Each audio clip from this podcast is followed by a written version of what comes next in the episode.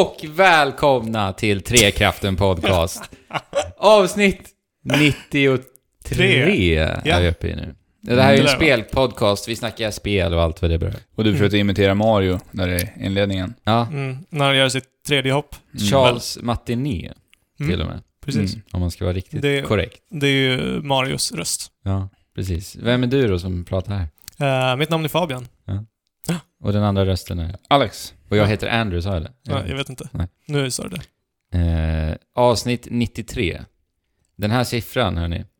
Det är ungefär så många timmar jag la ned i spelet Persona 5. Mhm. Är det så? Ja, 93 timmar. 99 klockan jag in på. Men det var ju typ ganska långt ifrån. Ja, men om man, jag tänker så här, du vet, man Om gör... man hårdrar det Man lite. pysslar ju med annat ibland i spel och sånt där. Det låter Ja, det just stå, det. stå på. Så att, eh, Så att- 93 är nog ganska Runt- bra. 93 Ja. aktiva speltimmar. Jag tror det. Mm. Så att eh, jag har klarat av det. Mm. Mm. Grattis! Tack. Alltså jag måste säga, det, det är lite av en lättnad faktiskt. Jag förstår det. Alltså nu är du fri att spela vad som helst. Ja, det, det är jag. Men jag vill ju klara av det. Så jag ska inte vara så. Jo, men det är ju alltid lite så här att känna att jag behöver, måste. Mm, jo, precis. Speciellt när det är ett sånt långt och utdraget spel. Ja. Utdraget i ordet. Jag fick ju en fråga på vår Discord-kanal och jag tyckte. Eh, Mhm. och vad, om jag tyckte att spelet höll. Höll spelet ända in i, i slutet. Mm. Och jag var lite så mm, ja, jag vet inte riktigt. Jag tycker inte det. För att det här spelet är verkligen alldeles, alldeles på tok för långt för sitt eget bästa. Mhm. Det lider verkligen av enorma sådana här tempoproblem i slutet. Mhm. Prodip. Dippar. Ja men verkligen, alltså det, jag känner att det här spelet skulle ha slutat 10-15 timmar tidigare. Mhm. Så den sista biten var riktigt jädra tradig att dra sig igenom. Men det måste kännas ännu värre för dig som har haft en liten berg och dalbana när det kommer till det här spelet. Ja, rent generellt lite- ja. ja. Alltså, spelet är repetitivt, tycker jag. Det är repetitivt i alla spelmoment du gör. Visst, händelseförloppen är alltid intressanta. Det händer alltid roliga och intressanta, spännande saker eh, i själva berättandet. Och alla eh, relationer du bygger upp med dina karaktärer och sådär. Men vad du faktiskt gör som spelare, alltså alla typer av olika moment, tycker jag blir repetitivt. Och där blir längden ett problem också. mm. Men brukar det inte väldigt mycket vara så i JRPGs? Jag är, inte, jag är ju inte en spelare som spelar särskilt mycket JRPG heller. Så. Men alltså Pokémon är ju väldigt repetitivt. ja, det är ju det. Men jag upplever att. Pokémon... Jag har inte spelat jättemånga Pokémon-spel i och för sig. Nej. Eh, men jag upplever att de är ändå så himla simplistiska i sig ändå. Så att man rullar alltid framåt. Mm. Lite snabbare på något vis. Men du spelade ju också Final Fantasy 10. Ja, men det spelar ju... Varvar jag ju tillsammans med Alex faktiskt. Ja. Så vi turades ju väldigt mycket om. Mm. Så jag vet inte om det påverkade. Plus att jag var väldigt ung då Ja. också. Då är allting supercoolt. Ja, jag vet inte. Alltså, det är väl lite det som, eh, som kännetecknar ett JRPG. Ja, För att det är ju turbaserade strider och Mm. det går inte eh, att göra allt för mycket Nej. i turbaserade strider. Nej, det är ju så. Eh, men sen också... Turordningsbaserade strider. Men sen också, jag har ju pratat om spelets Dungeons, de här palaces Mm. vi hoppar in i. Eh, undermedveten hos de här skurkarna. Mhm. Eh, och jag, när jag pratade om det här spelet där i början, eh, när jag började spelet, så tyckte jag ju att det här var väldigt, de här var väldigt intressanta att hoppa in i för att eh, konceptuellt så var det alltid kul att se vad utvecklarna gjorde med hur de då skulle skildra Mm, ett visst undermedvetet. Perversa undermedvetna Ja. tankar liksom. Eh, och det var ju det. Inramningen var alltid intressant. Men grejen är att jag tycker att de har varit otroligt lata när det kommer till speldesignen. För där tänker jag ju, då kan, de kan ju lika gärna ta till sig en enorm mängd inspiration eh, till liksom speldesignen. Eh, baserat på eh, hur Ja, de skildrar det här undermedvetna. Du menar att det ska finnas mekaniker inne i Palacen Ja. som är eh, Lika unika? galna och Ja. unika som, eh, som själva inramningen i sig är. Men vad tänker du att det ska vara typ så här in, väldigt interaktiva spelmoment som att åka skateboard Ja men eller typ, något sånt? bara så att det blir varierat liksom. Ja. Ja. ja, alltså det är inte omöjligt Nej. idag. Och det är så, det är nästan barnsligt lätt designat. Det finns inga pussel. Alltså det är ju pussel. Men det är Mhm. så otroligt löjligt enkelt. Det är bara straight forward. Men tänk er det här, ni kommer till en dörr. Ja, den här dörren är, är låst. Sen går du runt hörnet och använder en så här eh, third eye heter det. Det gör så att du Mm. får ett så här... Vision. ja, en syn så att du kan se objekt som ja, du kan interagera med. Mm. Och då går du runt hörnet där den där dörren är låst. Och så använder du third eye och sen ser du en liten sån här ventilations... Eh, vad det nu Mm. heter. Lucka. lucka. Eh, och sen går du in där och så kommer du in i rummet istället. Det är på Så den det- det nivån är alltså. pusslet. Ja. Och det är otroligt eh, eh, stor besvikelse också tycker jag. Ja, alltså det är ju bättre att det är så än om att det bara skulle vara rätt framåt. Fast det är en ganska, ganska lat. Ja. Och just, Design. just ventilationsluckorna är väldigt åter, återkommande. Jaha, så pass Så det är det jag menar, alltså varför, varför utnyttjar de inte det här, den här häftiga inramningen i dessa palaces i speldesignen också? Behöver inte vara jätteavancerat heller i och för sig liksom, men Nej. bara någonting. Så att, ja, jag vet inte. Det, kän, det känns väldigt lat. De har varit lata på, på speldesignsfront. Men sen alltså, som sagt, jag har inte spelat många JRPG. Jag frågade dig Fabian, har jag rätt att ta upp det här som ett problem med spelet liksom? För att jag förväntade ju mig ändå när jag visste att jag skulle in i Dungeons, då... Dungeons eh, jämför jag såklart med typ Zelda då. Nintendo Aha, och Zelda okej. är ju bäst i världen på att göra Dungeons liksom. Ja, men då, då förväntar du dig kanske Ja, för mycket, antar jag. Men, ja, någonting annat. Men de är ju de är inte på långa vägar ens och nosar på någonting i, i Nej, den alltså stilen. faktiskt så skulle man ju kunna kombinera de två koncepten. Ja, alltså pussel. Lätt. med pussel och föremål. Ja. Så, ja. Jag vet inte. Och sen också striderna. Mm. Jag tycker inte att det finns något särskilt stort djup i de här striderna. Det är allt, he, genom hela spelet. Hitta svaga punkten, utnyttja det till fullo och sen är det klart. Varenda, varenda strid. Mm. Bossstriderna tycker jag var skitbra. Där får du ju verkligen tänka strategiskt och då blir det riktigt kul. Och du får använda hjärnan lite. Men, Ja, men hur många bossstrider är det liksom? ja det är Alltså, inte... det är ja, ju- det finns ju en del, men det är Men inte... inte i jämförelse med hur många strider det är Nej. i spelet. Och det här blir ju ett problem, för det blir också... Det är här det här repetitiva kommer in. Det Mm. är inte kul att göra samma sak återigen hela tiden när det är så här otroligt simpelt också, som det är i striderna. Ja, men alltså om, om du har rätt att kritisera det här så får du ju jämföra med andra JRPGs. Som jag har spelat. Och Ja. där vill jag ju ta upp Xenoblade Chronicles Ja, det. X. De tycker jag gör ett fantastiskt jobb med just striderna. Dels för att du slipper de här ah, trötta, sjukt jäkla jobbiga eh, Animationerna animationerna och när, du, när Ja. XP'n ska räknas in och pengar ska komma. Alltså jag, vill inte ha det. Det Nej. tar typ 5-7 sekunder efter att en fight är avslutad tills att du kan börja spela spelet igen. Och när du spelar ett spel i 93 timmar, Mm. det blir jobbigt. Jo men alltså du har ju säkert suttit flera, flera, flera timmar Ja. i de där Menyerna. uh, menyanimationerna eller experience-animationerna. Nej, jag, och jag begriper mig inte på det. Det finns... Sen varför kan man inte spola upp tiderna? Nej, Eller alltså- tiden i striderna. Bravely Default, jag gillade inte det spelet för liksom vad det var, men jag älskade vad de gjorde med Ja. Just man- RPG. Ja, där kan man att, att man kan spola- fram striderna i alla fall. Nej, alltså det begriper jag mig inte på alltså. Men det finns en sån här rush-funktion. Då trycker du typ på någon knapp eh, och sen så spolas hela striden upp. Men då attackerar också di, ditt party automatiskt. Mm. Men jag fattar inte, varför kan jag inte bara spola till nästa menyval? Nej, Det, det ja, är helt så sjukt. svårt Men förstå. så gjorde Bravely Default. Alltså att du kan spola när du vill, Ja. men du kan också sätta på eh, alla dina karaktärer vilka eh, actions de ska göra när Mm. du spolar. Så att du kan spola igenom hela striden. Mm. Och sen så gör de det som du har satt att de ska göra. Mm.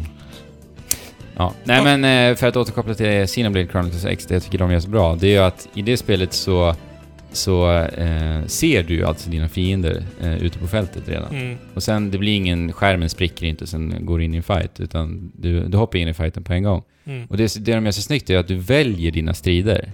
Så att om du känner att, nej men jag vill levela upp lite, då väljer du, eller jag spelade ju så, Mhm. Eh, Då valde jag ju att gå till en lite svårare fiende med en högre level, för leveln syntes ju på alla fiender i det spelet också. Mhm. Så då blev det en liten svårare, typ miniboss nästan, i den striden. Och då fick jag ju ännu mer experience points, eh, Mhm. i och med att det var en högre levelad eh, fiende. Det tycker jag var jättebra i det spelet. För då slipper man det här tråkiga, trötta, eh, bara grinda och trycka på kryss och hitta Det är svaga märkligt punkter. att man fortfarande ligger kvar i såna här gamla konventioner, japanska rollspel. Jag blev- alltså- Xenoblade har ju ändå försökt lämna det där lite grann. Ja. Men det är mer interaktiva strider också. Ja, men att, Ja, det att de liksom sammansvetsar dem så snyggt Mm. när man är ute i världen. Att Nej, jag tycker bara- Single Blade gör det riktigt bra. Ja, men man vill ha in det sömlöst. Ja, Mm. precis. Och det men det är det ju- det gör. Mm. Ja, Och som du sa, det är, det är mycket mer interaktivt. Interaktivt, Alltså, precis, i striderna. Mer action. Ja, och där kan man ju liksom tänka lite strategiskt och göra lite kombinationer till och med. Mm. Och grejer. Det tycker jag var jätteroligt i det spelet. Men det finns inte i det här spelet, upplever jag. Nej, jag antar att, alltså, Persona 5 kör på de mest klassiska rollspelskonventionerna som finns. Ja. Men sen är det Eh, väl... och att det är också därför många tycker om det, för att... Men det jag blir för... Alltså jag måste ändå säga att jag är lite förvånad över det här otroligt goda mottagandet det här spelet har fått. Mm. För att det gör ingenting som jag liksom tänker wow, det här är någonting nytt för JRPG-genren. Och sen har vi den andra biten av spelet, det är ju den här sociala biten. När det den egentligen är den här eh, vardagssimulatorn. Ja. Det är väl det som gör att det blir unikt, och det gör det ju. Mm. Men när det är ett RPG, där ser jag ingenting som gör det annorlunda. Nej, alltså sen så har ju alltså vardagssimulatorerna också utforskats mycket på senare tiden. Ja. Och Persona, tidigare Persona har ju också varit så. Ja. Så vad gör de egentligen? Tar de några steg framåt överhuvudtaget ens? Inte särskilt Eh, mycket. Det är väl snarare alltså... Alltså det jag gillar med Persona 5. Jag tycker ändå att det var ett bra spel generellt Ja, ja. I, i, det stora hela. Eh, nu rantar jag ju bara på sakerna jag inte gillar. Men det jag gillar är ju stilen, musiken, alltså hela inramningen, presentationen Mm. och allting. Eh, och det är ju det här eh, som gör att spelet känns likt ingenting annat. Och det är ju just eh, relationssimulatorn och allt som händer däremellan. Mm. Men Persona är ju också känt för att ha en eh, helt urflippad, galen, intressant story. Mm. Hur tycker du står sig då, nu när du är klar med det? Alltså... Storyn spårade ut totalt. Totalt. Ja, men det kan ju spåra ut nice, gör Ja, det men det gör den inte. Jag tyckte det var katastrof faktiskt. Ja, Okej. Eh, bokstavligt talat. Eh, alltså, som jag sa, spelet borde ha slutat för 10-15 timmar sedan. Även när det kommer till berättelsen. Mhm. Det hade varit så snyggt att knyta, knyta ihop det där. Det, de- de gör otroligt, otroligt snygga saker med berättarteknikmässigt i Persona 5. Mm. Men sen händer det saker som gör att det tyvärr spårar ut totalt. Mm. Jag önskar jag kunde säga vad det är som faktiskt händer. Ja, Men ja det, kan det, det, det är riktigt spoiler. häf- häftigt faktiskt. Eh, Men det höll inte hela vägen. Ja. Synd, tycker jag. Mm. Men ja, jag kommer ju ändå så här sakna mitt gäng lite ändå. ja, hur gick det med kärleksrelationerna? Det är faktiskt lite av en spoiler skulle jag säga. Okej. Eh, för det är, det är lite kul, det som hände. Okej. för jag berättade att jag hade relationer med ett antal Mm. Ja. eh, kvinnor. Och eh, ja, lite hände. Okej. Mm. Kan du ju se om det gick bra eller dåligt? Eller? Både och, Okej. kan jag säga. Väldigt... Men det var, jag, den, det blev jag nöjd med faktiskt. Hur det urartade sig. Okej. Ja, nej men eh, bra spel generellt som sagt. Eh, men jag kan väl ändå anta, gillar man liksom anime, Ja, ja verkligen. då Ja. tror jag att man kommer rå älska det här spelet. Ja, jag Ja. tror det också. Alltså, det gör nog rätt mycket. Om man har en Ja. förkärlek till anime, manga. För det har ju inte jag heller ska jag säga. Nej. då. Överhuvudtaget, jag har aldrig riktigt fastnat. Nej, Men de har verkligen en väldigt bra anime-vibe Mm. i hela Persona-spelet. Av det jag sett. Mm. Hur känner du? Är du sugen på att spela mera spel från Atlus framöver? Efter Persona 5? Ska du spela Disgaea när det Nej. kommer till Switch eller? Nej, nej. jag tänker det, när de kommer med nästa stora JRPG. Mm. Ja men alltså jag kommer absolut eh, hålla ett öga öppet, Mm. förstås. Men eh, jag måste nog se att de har gjort, förändrat just striderna lite, om Mm. jag ska bli intresserad igen. Ja, för. Persona 6 kanske ser väldigt mycket likadant ut. Mm. Och spelas likadant. Du kanske Ja. inte det är så himla pepp. Nej, precis. Om Det igen. kommer det inte vara. Nej, men eh, ja. Gillar du JRPG också så Ja. är det klart. Såklart. Eh, ja. Jag hoppade in och pratade om vad jag har spelat den här veckan på en gång. Ja, det gjorde. Ja, Jag har ju sladdat vidare runt i svampriket eh, förstås den här veckan också. Vadå? I Mario Kart 8 I Mario Kart 8, Deluxe. Det har blivit lite av en så daglig rutin för mig och eh, min tjej. Bara spela några vändor i Mario Kart. Ja, ni får inte alltid med er lika mycket personer som vill. Nej. Eh, anslut er gärna till vår Discord-kanal. eh, För dagliga Mar- Mario Kart-race. Precis. Eh, vi, ja men som sagt, vi spelar typ varje dag så det är kul. Hoppa in där. Mm. Och säg att ni spelar Mario Kart så vi vet vilka ni är. Ja. Så vi kan... Vi har en liten sån här Mario Kart. Ja, eh, men jag tänker så att man, för i Discord så kan man då äta, kan man säga. Just Mm. det. Tagga. Så att På man tal kan, om det. Ja. Är det... Vi måste nästan skicka ett sånt här feedback-mail till Discord-utvecklarna alltså. Ja, för För jag... varför kan man inte på något sätt... Gå in i en grupp i gruppen. Ja, precis. Gå in i en grupp i gruppen. Alltså vi kan gruppera till exempel Mario Kart Ja. 8-spelarna och sen äta Mario Kart 8-gruppen. Ja. Ja. För de, eh, folket i general, general chat, de Ja. vill ju förstås inte höra vårt Mario Kart-babbel liksom. Nej, Nej. Nej. det, är- det är konstigt tycker jag. Det Ja. borde, det, de måste ju väl ändå ha fått Ja, eftersom att man har det. kanaler för flera spel Ja. ofta.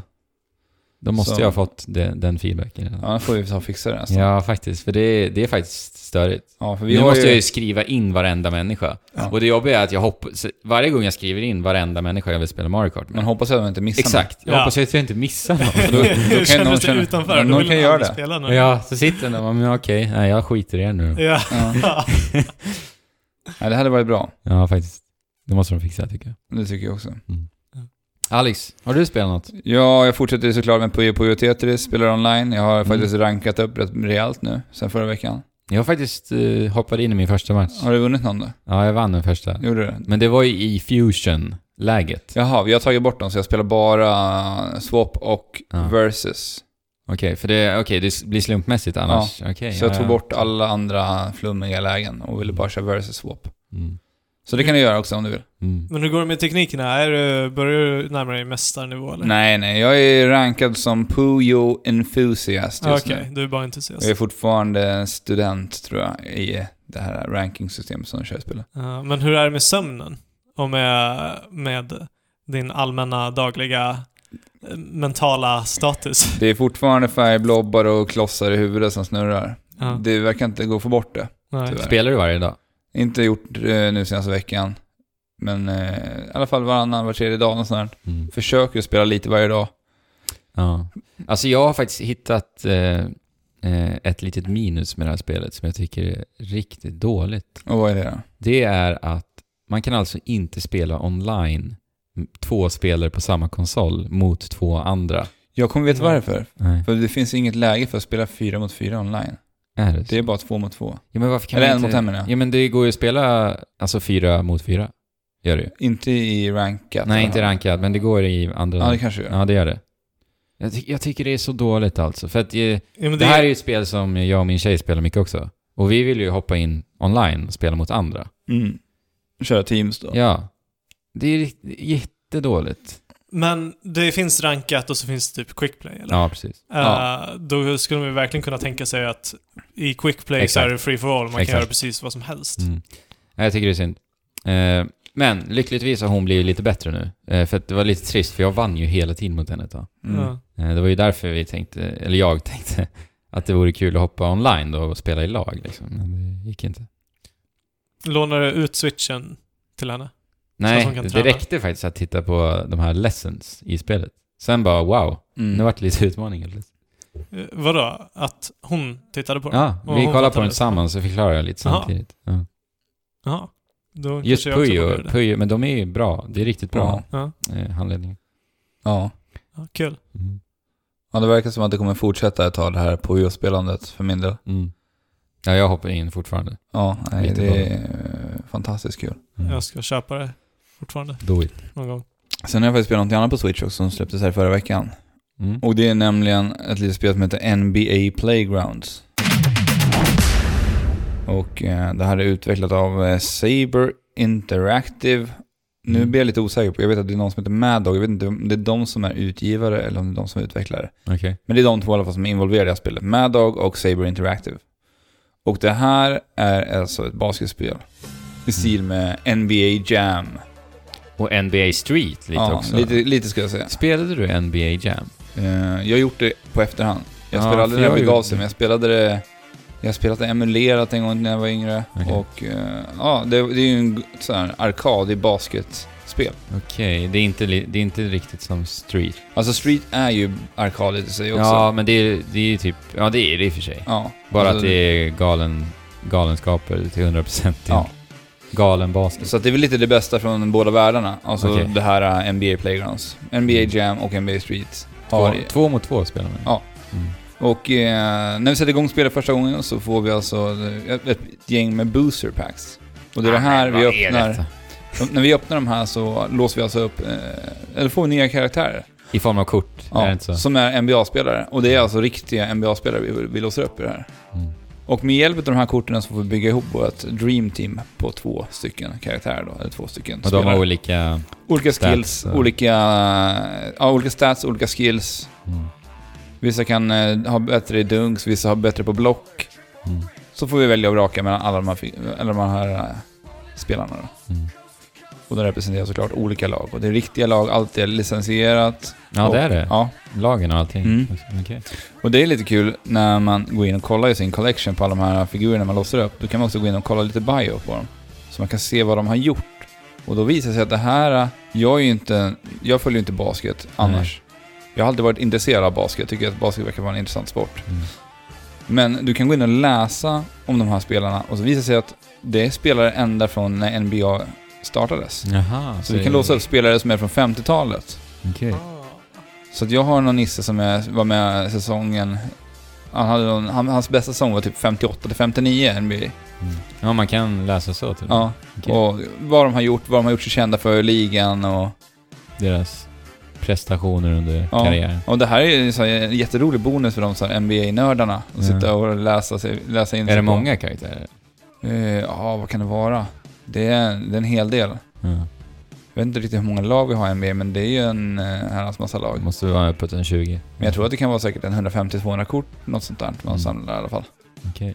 Ja men det är lite kul i alla Mm. fall. Men i spelet, det är supersimpelt. Vi har, eh, vi, vi passar, vi, vi har en kamp per pass och det är inget så här som vi tänker på Fifa idag, det är väldigt avancerat att spela Fifa. Ja, nu måste du sikta på Ja. karaktären, passa. Ja, och väga in så fysiken. Ja. Här är det bara passa och du skickar den till din, mot, till din eh, kamrat. Som Fifa 98 specifikt minns jag. Ja, det var var bara slickat emot trycka den. på kryss på Playstation 1. Det här är lite som Sociable Soccer, som vi har spelat. Men där måste man ändå sikta lite.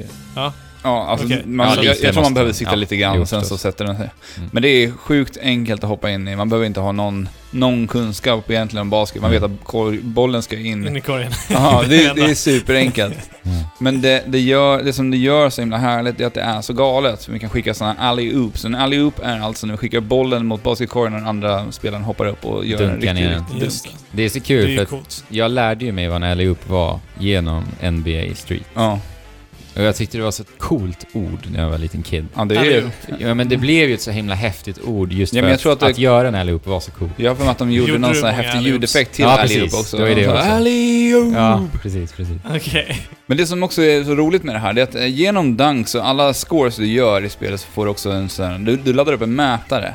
Okej. Och det är det här som är lite, som är väldigt annorlunda med det här spelet. För du, med den här mätaren, när du har maxat upp den här mätaren, då aktiverar du någonstans, vad ska man säga, som en slott som bara slumpmässigt väljer en förmåga. Okej, som Mhm. är så här kasino... Ja, precis. Och det kan vara allt från att du får dubbel poäng på alla dina dunks, du får dubbel poäng på alla dina trepoängare, du har, eh, din stamina kommer inte ta slut Jaha.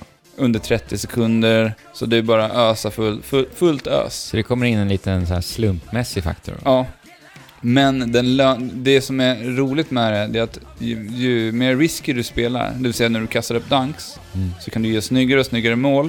Och ju snyggare mål, desto mer utdelning ger det på mätaren. Ah, så man får ta lite risker där. Ja, Mm.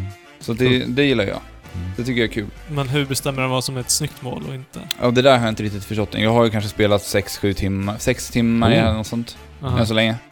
Och jag har inte riktigt fått grepp om hur man ska göra de här snyggaste målen. Nej. Utan jag kör med på... Jag sitter och slöspelar här i soffan just nu. Ja. Mm.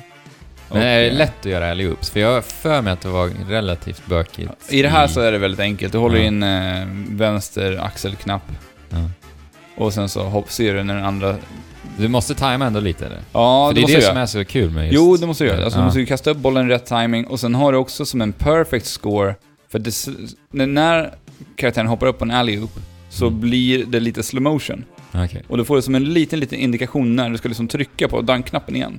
Jaha. Och sätter du den perfekt, då får du ett extra poäng för varje mål du gör. När du gör perfect dunks eller perfect score så Mm. får du ett extra poäng. Mhm. Så att allt handlar, det är väldigt mycket timing för att få lite mer poäng. Ja, kul. Sen finns det lite minuspoäng med det här, för att det är, det är sportspel. Och man vill ju såklart ha en enkel överblick över sin poäng. Ja, Jag tänker som i Fifa så har vi alltid scoreboard uppe till vänster. Ja.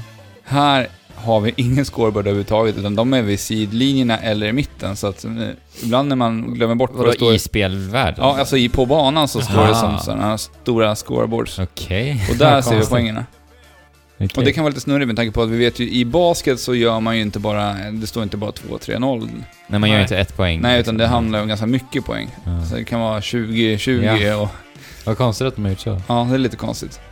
Så det, det hade jag gärna velat se att man, eh, man skulle Kanske lägga till. patcha in det. Ja. Ja.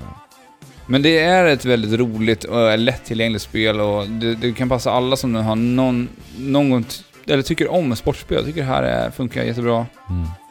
Tyvärr Men- så har det inte kommit något online till Switch ännu, så det har jag inte kunnat prova. Men det har släppts till PC, Xbox One, PS4, alltihopa. Ja. Eh, men har du provat spelat... Eh, eller kan man spela med eh, två Joy-Con? Alltså- Eh, ja, du kan spela med splittad Joy-Con. Ja. Det har jag inte hunnit prova. Nej. Jag har bara suttit och spelat det här i handheld. Så det gör sig som ett, ännu ett bra lite multiplayer Switch-spel då? Mm. Jag förmodligen. skulle du kunna tänka dig att dra ner till basketplanen och sen så värva genom att spela lite... Som de gjorde i trailern. Som de gjorde i trailern. Ja, Eller en absolut. dröm. En Sen, sommardröm. sen så blir det inte lika kul med tanke på att jag inte kan göra sådana coola dunks som de gör i spelet. Då känner jag mig dålig. Det är precis som den tiden man spelade Tony Hawk och tänkte nu ska ja, jag det. skata. Och sen så vart inte skatingen lika kul för att eh, i Tony Hawk så var det mycket coolare. Men man kanske kan få lite inspiration.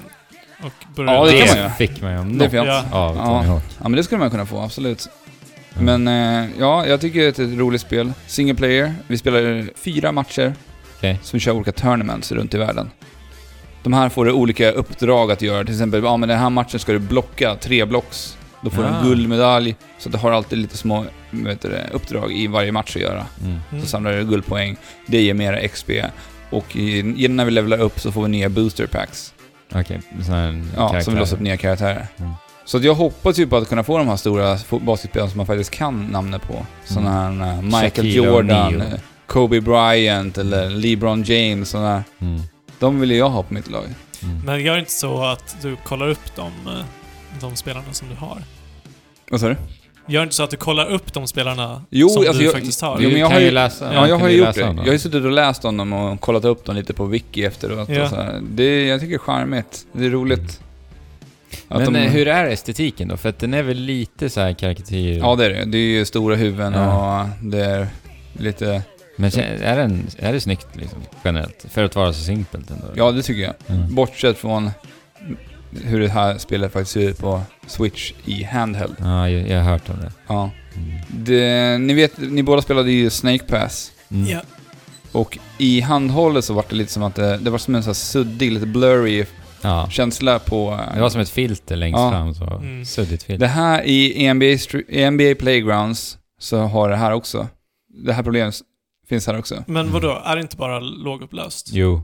Jo, men Det är alltså det. det ser väldigt, väldigt suddigt ut. Det är Ja. jättekonstigt. Är inte det definitionen av lågupplöst? Jo. Jo, men Jo, eh, det- är svårt, det, det ska du förstå när du ser det. Alltså det är inte Ja. bara lågupplöst, utan det blir som en suddig effekt på det. Ja. Alltså ute vid kanten, det blir så här, ja.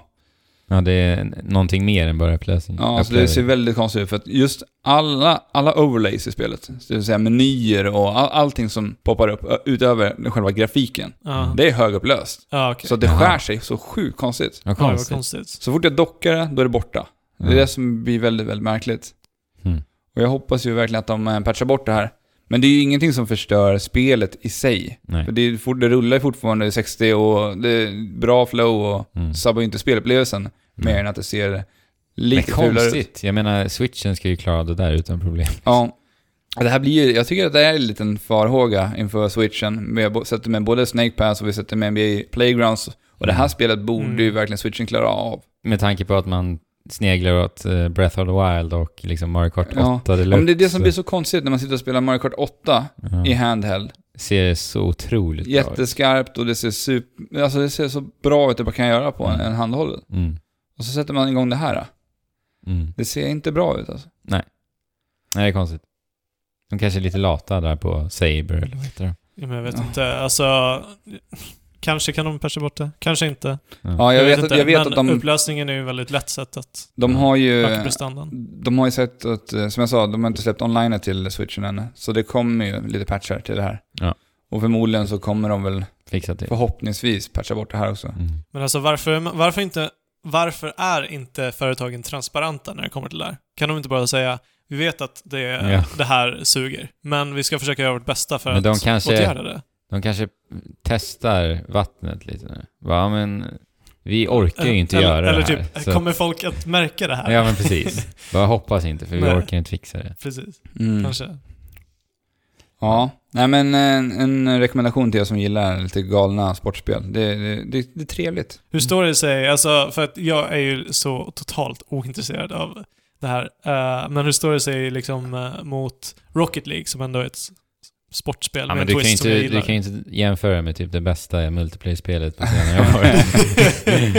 Nej men det är, det är typ det, den relationen, Ja, men den du... positiva relationen jag har till Ja, sportspel. det är inte Rocket League-klass på det. Nej, Nej. Det är det ju inte. eh, det är mycket mer lättsamt och... Alltså Rocket Ja. League. Nej, NBA. Ja, alltså vad jag känner hittills så känner jag inte att det finns ett det där djupet Nej, men precis. Jag jag, skulle fråga det. som jag vill Det ha. finns inte riktigt alltså. Inte vad jag upplevt än, än så länge. Det kan ju vara så att det, det kommer senare, men... Mm.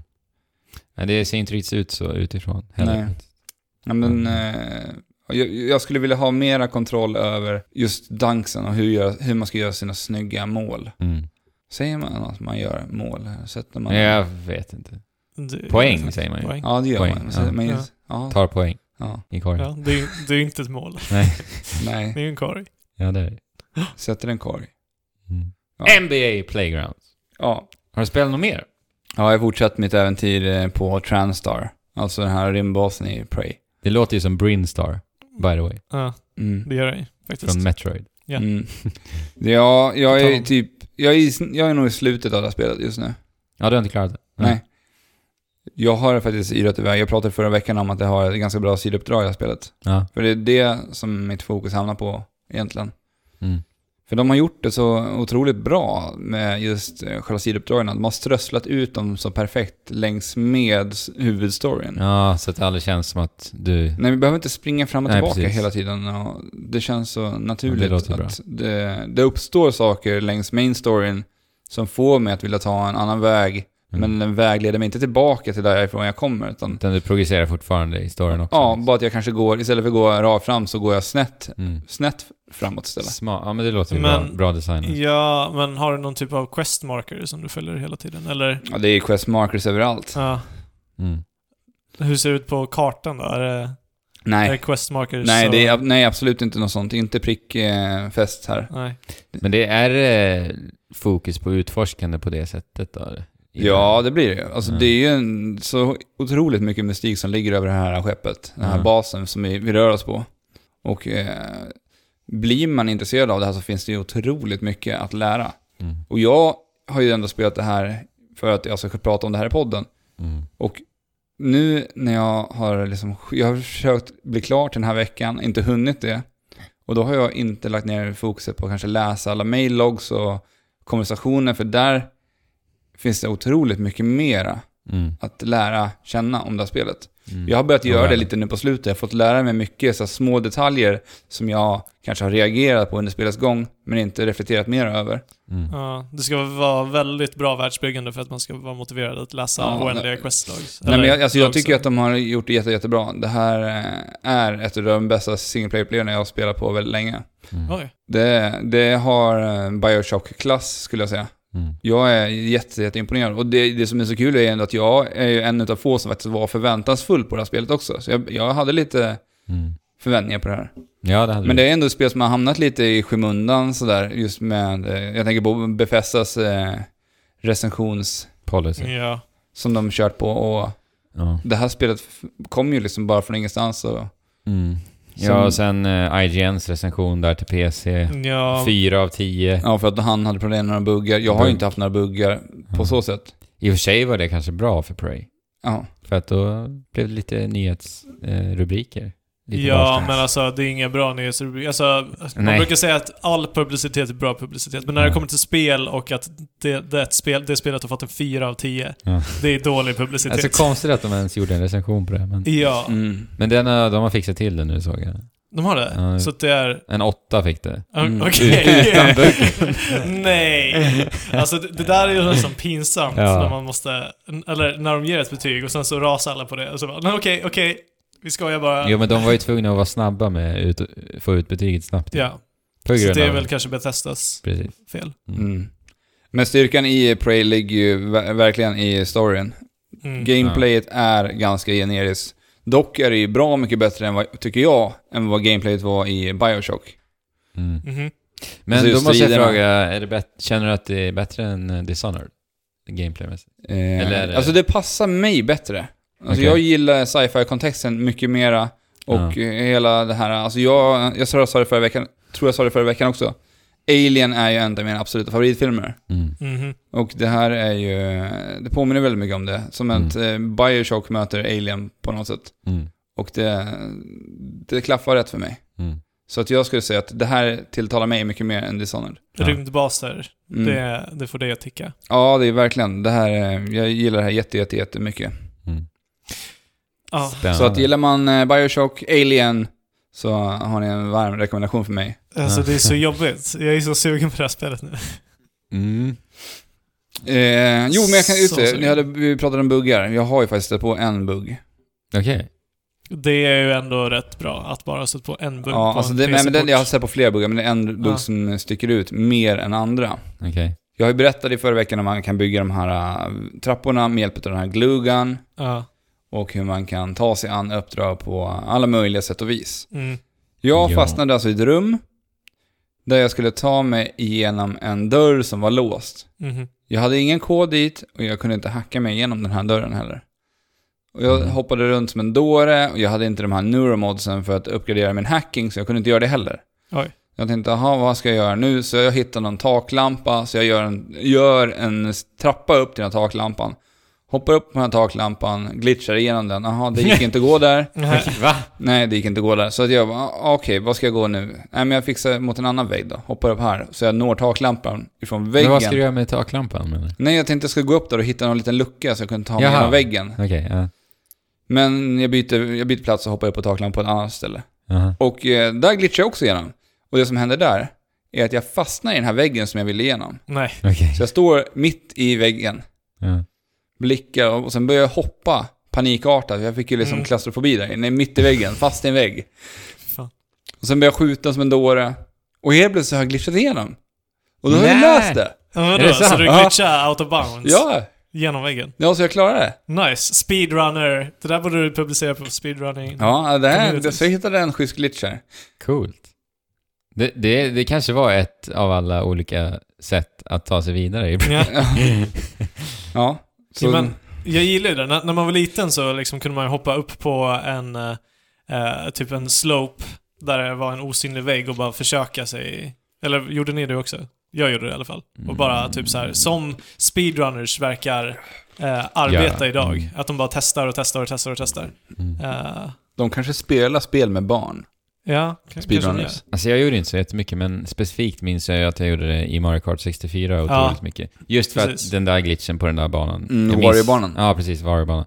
Eh, den fan existerade ju. Vad hände där? Eller vad Man hoppade ju över Ja, ett man- helt ja, varv egentligen. Mm. Ja, precis. Eh, Men så då eh, trodde jag ju att jag skulle gå på alla banor i hela jävla spelet. Ja. Så jag började hoppa upp på väggar i Mario 64. Mario det roliga var ju 64. när man körde race på den banan, när alla stod och körde på det hoppet. Ja. Men ingen klarade det. Man bara stod där för varv ett. Och sen kom någon Ja. över. Ja. Då kom den runt. Ja. Då var det så här, den personen vann. Liksom, Ja. Ja, I princip. Ja. Men det var, det var en rolig genväg faktiskt. jo, det var det. För den var ganska svår att göra. ja. Jo men det var, genvägar och sånt var ju väldigt mycket roligare förr i tiden. För att det fanns ju inget typ internet att kolla upp Nej. alla genvägar på. Så är det ju. Eh, utan, utan det är så här, på något sätt kom det ändå fram genom liksom word of mouth. Mm.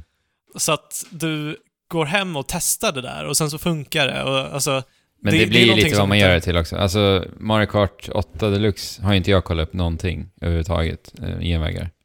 Eh, och det är ganska kul när man själv upptäcker dem faktiskt, och ser vart de finns. Jag Ja, upptäckte men- faktiskt en ny som jag inte har gjort, eh, alltså efter 100 timmar i Mario Kart 8. Nu, med Jo. Mario Kart 8 Deluxe. På Mm. Mount Vario faktiskt. Men det är ju fortfarande... Men ja, såklart. alltså det finns tillgängligt för dig att... att Ja. du, alltså enda anledning, eller enda sättet för dig att upptäcka de här är ju typ inte att någon berättar det. Vi hade ju en jätteglitch på Woohoo Island i, till 3DS. Just det. Den var ju extrem. Ja, vad, det- vad gjorde den? då? Nej men det gjorde att du boostades fram jätte- jättelångt på banan. ja för det, här, det var och det körde här- ju alla online, så att alla åkte ner där. Ja. Okej. Och det var ju en enlappsbana så att säga. Ja. Ja, just det. Kom till slutet på en gång typ. Ja. Nice. Ja, så till nästa vecka så har jag med stor sannolikhet, om inte livet eh, sätter stopp för mig, klarat av Prey. Mm. Ja, Men, men alltså, det kommer väl fortfarande det kommer fortfarande vara jättebra. vara samma. Ja, alltså, jag, jag gillar jag vill hoppa in nu. Kan vi inte sluta podda? det är ett bra betyg. det är ett alltså. jättebra betyg Ja. faktiskt. Vi spelar så mycket som det redan Ja, jag, har snart, jag, jag har ju precis eh, sparat innan jag ska in i ett, vad jag tror kan vara det sista uppdraget. Oj, Okej. spännande. Ja. Är det lite Mm. ångestladdat också? Ja, alltså, jag, vill jag, ju jag, inte vill ju inte, jag vill ju inte avsluta det här, men jag känner att jag måste det, för jag har ju ett annat spel som väntar som jag ska prata om, om, eh, jag vet inte, några veckor. Jag ska inte, jag ska påbörja det här Fire Emblem. Ja, det. Fire Emblem Fire Emblem Echoes. Echoes, eh, Shadows of Valencia. Mm. Till 3DS. Ja, Gå tillbaka till 3DSen. Det är, Spännande. kommer vara spännande och Mm. intressant. så det är det som ligger och väntar och har gjort eh, på mig ett tag nu. Ja. Och eh, jag måste nästan sätta stopp för mitt Prey. Pray. Nej, men klarar av det bara så. Ja. Hoppar in i det. Men det, det, det finns ju jättemycket sidouppdrag jag vill göra egentligen. Alltså Ja. det är så många NPCer som har börjat dyka upp nu och jag vill bara veta mer. Ja. Mm. Ja. Spännande. Ja men Fabian, vad har du tagit dig an den senaste veckan då? Ja, jag sa ju förra veckan att jag eventuellt skulle snacka om Tumbleseed den här veckan. Oj, mycket veckor där. Ja, mycket Mm. veckor. Eh, men det kommer jag inte göra för att Okej. Alltså, alltså, jag har säkert spelat i liksom två, tre timmar. Ja. Eh, jag har försökt spela mer, men alltså jag fattar inte det här spelet. Okej. Eh, jag, jag, jag har till och med sökt upp typ så här. hur ska man spela Tumbleseed? Men det Ja. finns inget bra där ute, som jag har hittat i alla fall. Eh, för, för att alltså, jag, jag bara dör. Och jag bara dör. Och jag, jag typ kommer ingen vart. Nej. Och jag fattar inte hur man ska spela spelet. Det, det, det, den största tipset som jag har fått är att man ska vara avslappnad.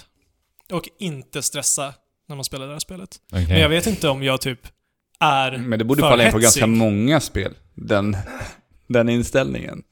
Jo, kanske, men alltså jag vet inte. Det, det här är någonting annat för att det handlar om väldigt eh, intrikata eh, små justeringar som, som spelar roll. För att man balanserar ju en boll som rullar, så att man har bara indirekt kontroll över eh, spelets ja, karaktär, Mm. som är en boll som rullar.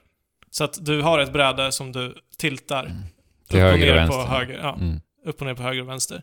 Så att den rullar. Och med det här så ska man försöka undvika hål och fiender. Och första banan, det är typ så här. Ja, det, det klarar man ganska lätt. För att det Mm. är ganska mycket hål, men inte för mycket fiender som är alltför farliga. Andra banan skruvar de upp äh, svårighetsgraden så jädra mycket, för där är det hål överallt, fiender överallt och projektiler över jävla allt. Okej. Så jag kom inte vidare. Men är det slumpmässigt genererat? Ja, det är pro, pros, procedurally generated. Mm. Eh, men som sagt, eh, jag vet... eh, jag, jag vill ju fortsätta spela det här, för att folk som har kommit in i det säger att det är jätte, jättebra. Mm. Så det du vill säga nu här är att du förmodligen inte kommer spela det i poddsyfte framöver? Jag vet inte. alltså, när, när jag har fattat det så har jag fattat det. Ja. Helt enkelt. Kanske att du återkommer helt enkelt? Kanske. Det är lite roligt, vi har hört två andra poddar som har pratat om just det här spelet och de Ja. säger att de har försökt och försökt och försökt förstå sig på det här Är spelet. det sant? Ja, men inte fattar och lagt ner det. Ja, Ja. okej. Ja, nej, alltså grejen är, jag känner så här. Eh, jag börjar bli gammal. Min hjärna. Säger den yngsta utav oss. ja, men, str strunt i Det där var där. schysst, jag blir 30 i Ja, veckan. men det, det, det spelar ingen roll. Vi, vi, vi lever alla på samma premisser. Och du är så gammal. fan. Men det, det, det handlar inte om det. Lyssna på vad jag säger sen. Ja. Eh, och hjärnan börjar bli lite trögare. Alltså, Ja, men det, är- det är ju fakta. det, det är ju fakta. När blir hjärnan trögare? Nej, men Vilken ålder? 24 Från typ jag. 24-25 Ja. tror jag att Ja, den 25 börjar bli trögare. Eh, och jag vill ju inte att min hjärna ska börja bli dammig och rostig liksom. Du skulle Mm. behöva neuromods. Mm, det skulle jag behöva. Mm. För att kanske Boosta. kunna ta, och- hand, ta mig an Tumbleseed. Ja. Eh, nej, men av den anledningen så, alltså hjärnan eh, är ju väldigt mycket som kroppen, att du måste utmana den och du måste, Mm. eh, du, du måste stimulera den och Mm. träna den för att den ska bibehålla sin eh, kapacitet. Mm. Eh, och jag tänker att det kanske är ett tecken på att min hjärna eh, har börjat bli trögare, att jag inte kan ta mig an Tumbleseed. Trots att att, det du blir en- spelade The Witness förra året. Trots att jag spelar, precis. Eh, så att det, jag, Men jag, går ju jag, för har, fort. Jag har sett det här som typ en personlig kamp att försöka vara Okej. open-minded på något sätt. Men det går ju för fort helt enkelt. The Witness kan du ändå ta det lugnt och tänka. Jo, Här måste du ändå göra alla beslut i realtid. ja precis. Men med The Witness eh, intelligens och reaktioner vi får som spelare generellt, Ja. så borde du ju klara av. Jo, men alltså grejen är, det här är en helt annan värld. Eh, Som du inte förstår dig på. Som, nej, precis. Alltså The Witness baserar sig ändå på väldigt välkända koncept. Alltså, Mm. det, det är pussel, det är enkelt eh, i sitt utförande. Ja. Samtidigt som det är ett väldigt djup i det utförandet. Medan Tumbleseed är, som sagt, ett spel inte likt någonting annat som jag har spelat Mm. tidigare. Mm. Mm. Marble Souls marknadsför de det här spelet som. Ja, Mm. jo men alltså det, det, kanske, det kanske är precis som med Souls. Mm. Att det bara är för svårt innan man Kanske innan jag fattar hur man ska ta sig an det här spelet. För så var det i Souls också. Mm. Demon Souls, Mm. när det kom. Ja Eh, men Souls säger, snackar vi om nu. Mm. Och du har ju också spelat... Ett Souls-like. Ja. Mech Souls, Ja. Souls, ja. vill jag kalla det. Det här är jag otroligt nyfiken på att höra Fabian, om. Mm. Var du spelat? The Surge. Deck 13s senaste spel. Deck Mm. 13 var ju de som släppte Lords of the Fallen och jag trodde inledningsvis att det var deras debutspel. Mm. Men det visar sig att de har, de har varit i spelindustrin jätte, jättelänge och släppt jättemånga konstiga titlar i alla typer av genrer. Okej. Eh, men nu verkar de ha hittat sin grej. Ja. De Mm. älskar From Softwares Soul-spel. Ja. Och de vill göra sin egen tolkning på det. Ja. Mm. Och The Surge, på, på första, vid första anblick så tar de ju sin egen väg genom att göra det sci-fi. ja, ja, precis. Vilket det aldrig har varit Nej. i Souls tidigare. Men eh, spelade du Lords of the Fallen förresten? Alex? Nej, jag var ju nyfiken på det. För det togs emot ganska bra. Så här relativt bra Ja. liksom? Alltså det, Alltså- det hade sjuor och åtta och sånt där. Och det är ändå... Ja. Det var en okej siffra för Ja, Souls. N- när jag har tittat upp det nu så har det liksom varit väldigt, väldigt mediokert. Typ Mm. 6. Okej. Jag tror att det låg på 70 någonstans på Metacritic när jag kollade. Ja, Just okej. eh, Lords Fallen. Kanske. Mm. Ja men det, Jag det är Det, säkert... inte det, det det kom ju ett annat spel i samma veva där som vart ännu sämre. Nu kommer inte jag ihåg det. Var det så? Ja. Som var Souls? ja, det var två stycken. Det Mm. var Lords of the Fallen så var det ett till. Okej. Och jag minns inte vad det heter bara. Nej. Och det vart ju totalt sågat. Okej. Men jag, jag gillar ju ändå att se utvecklare som faktiskt tar sig an den här genren. För det är ju en Mm. så himla bra och intressant genre som det går att göra mycket med. Eh, ja, verkligen. Och jag känner verkligen att Deck 13 i och med The Surge tar nya steg för den här genren. Wow. Eh, det, är, uh, det är inte typ så här väldigt originella idéer, utan det är andra välprövade koncept som har funnits i andra spel som de tar in till Mm. den här genren. Mm. Vilket de har ver- verkligen hittat en balans Men alltså, hur, skulle Men man, hur ska man definiera den här genren egentligen? Vad skulle ni säga? Souls-like, skulle Ja. jag säga. Ja, men vad är det som Eller vadå? gör ett Souls-like spel? Ehm, typ, mest fokus på eh, level design, gameplay Ja, mycket det här eh, specifikt eh, och utmaning. genvägs eh, bandesignen. Mm, Och sen eh, mycket fokus på utforskande och att du blir belönad för att ta risker hela tiden. mm. är väldigt mycket så. Ja, verkligen. Och att du alltid har någonting att förlora. Ja. Och jag, jag anser att den här reset-funktionen i och med Bonfire, så att varje gång du går till en Bonfire och får tillbaka eh, dina liv och dina förmågor och dina möjligheter att, att hela dig själv, mm. eh, också återställer hela världen och alla fienderna respawnas. Mm. Jag tycker det är en helt genialiskt sätt att eh, ta liksom gamla Megaman-utmaningen till en modern kon- Ja, kontext. men så är det. det. Det blir ju att du lär dig av dina misstag. Ja. Det är ju där den designen kommer in. Ja, precis. Mm. Och, och jag, jag har sett kritik tidigare att typ så här, eh, fienderna, eh, att, att fienderna är för eh, enkla att läsa av typ. Och att Ja. de är för endimensionella Ja, eh, i sin AI. Mm. Men det är ju en väldigt stor del i hela game designen. precis. Att varje fiende ska ha sitt distinkta rörelsemönster Ja, och sina distinkta attacker som man ska kunna lära sig och Ja. anpassa sig till. Mm. Eh, och alla de här punkterna tycker jag The Surge mm, de sätter väldigt bra. Det är ju härligt att höra. Det är väldigt uh, härligt. Jag tänkte på, just i Lords of the Fallen så Ja. var ju protagonisten var ju en fastställd karaktär. Ja. Mm. Är det likadant här eller kan vi, får vi göra vår egen karaktär? det likt i- är en fast karaktär i The Surge. Eh, och premissen är typ en väldigt dystopisk framtid. Ja, det är väl... Eh, I framtiden så har typ människan eh, förstört ozonlagret, atmosfären. Okej. Mm. Eh, sen så ställde sig ett företag fram och Mm. sa det här ska vi fixa. Mm. Creo heter de.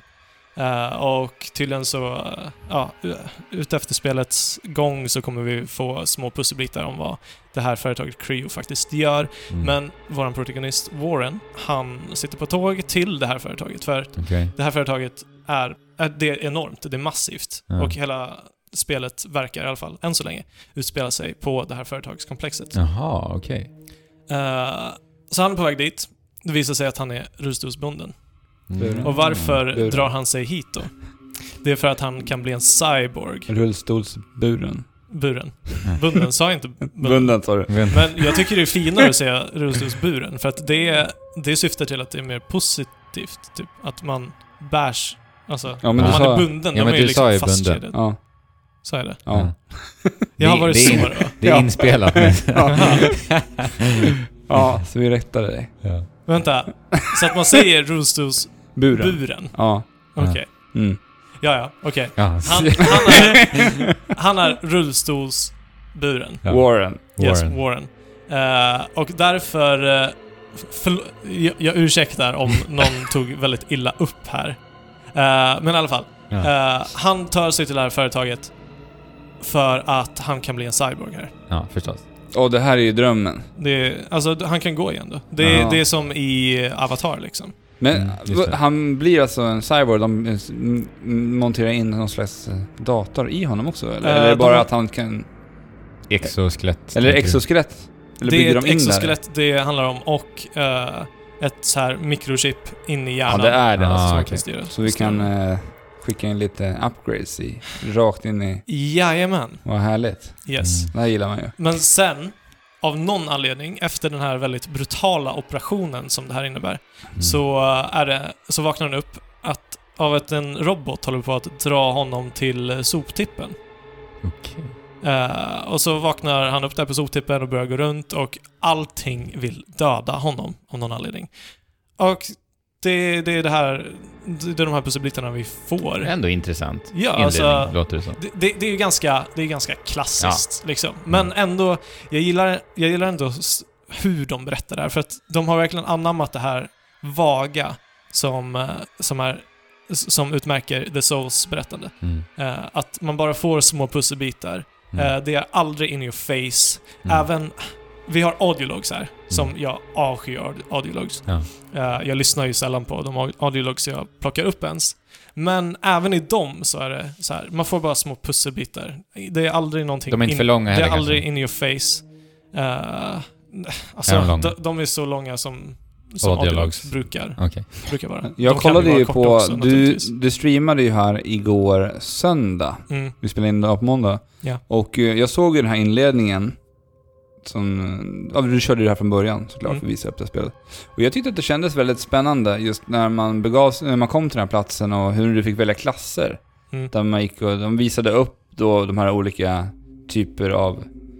Exoskelettdelarna. Ja, exoskeletten Ja. och, och sådär. Precis, alltså för att här, så fort man trycker på start så börjar spelet och det är inga menyer som du liksom med character customization eller att välja klass och så vidare. Utan det, det är invävt i Ja, men det är- jag- inledningen. jag tyckte och det det var snyggt. väldigt snyggt. Alltså bara en Ah. väldigt snygg detalj som känns att, som gör att spelet känns lite mer polerat Ja. så fort man bara hoppar in i det. Men, men just storyn känns ju väldigt närvarande i början av spelet.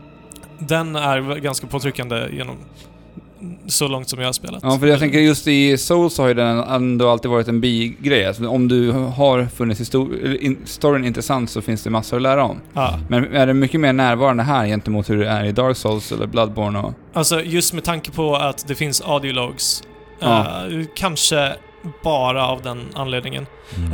Eh, och att det också finns här monitorer som, eh, som sprider, som har en typ pro propaganda-talkshow. Mm. Okej. eh, Okej, i från det här komplexet som Ja. man kan titta på om man vill. Men Mm. du kan lika gärna bara springa förbi dem också. Men av den anledningen så är det lite, så är det väldigt mycket mer närvarande. Du måste inte helt och hållet aktivt gå in och söka information om den här världen som det är i Souls-spelen. Nej. Nej. Eh, så, så det tycker jag faktiskt är snyggt Mm. invävt. Mm. Istället, alltså, bo, båda funkar. Men det här gör ändå så att det är lätt att få de första pusselbitarna för att sen vilja eh, pussla ihop resten. Mm. Mm. Typ. Gameplay är ju väldigt, väldigt Souls-like it. Mm. Eh, det var någon på streamen som eh, sa igår att han ville hoppa ut för balkongen för att eh, springanimationerna var så fula. Jaså. Och alltså, ja, det är inte lika snyggt som det är i Horizon Zero Dawn. Nej. Nej. Eh, men det, det är å andra sidan en snortajt kontroll som gör precis vad du vill när du trycker på det kommandot. Du sa också någonting om den här studion. Som jag, jag vill bara att vi ska få in det. Just om Ja. Deck 13. Ja. Någonting som är väldigt imponerande med den här Ja. studion. Ja, alltså, vill du framföra det? Eller ska Ja, du kan få ta över här. Jo. Eh, du menar att det är bara 50 personer som Ja, sitter precis. bakom det här spelet? Ja. Mm.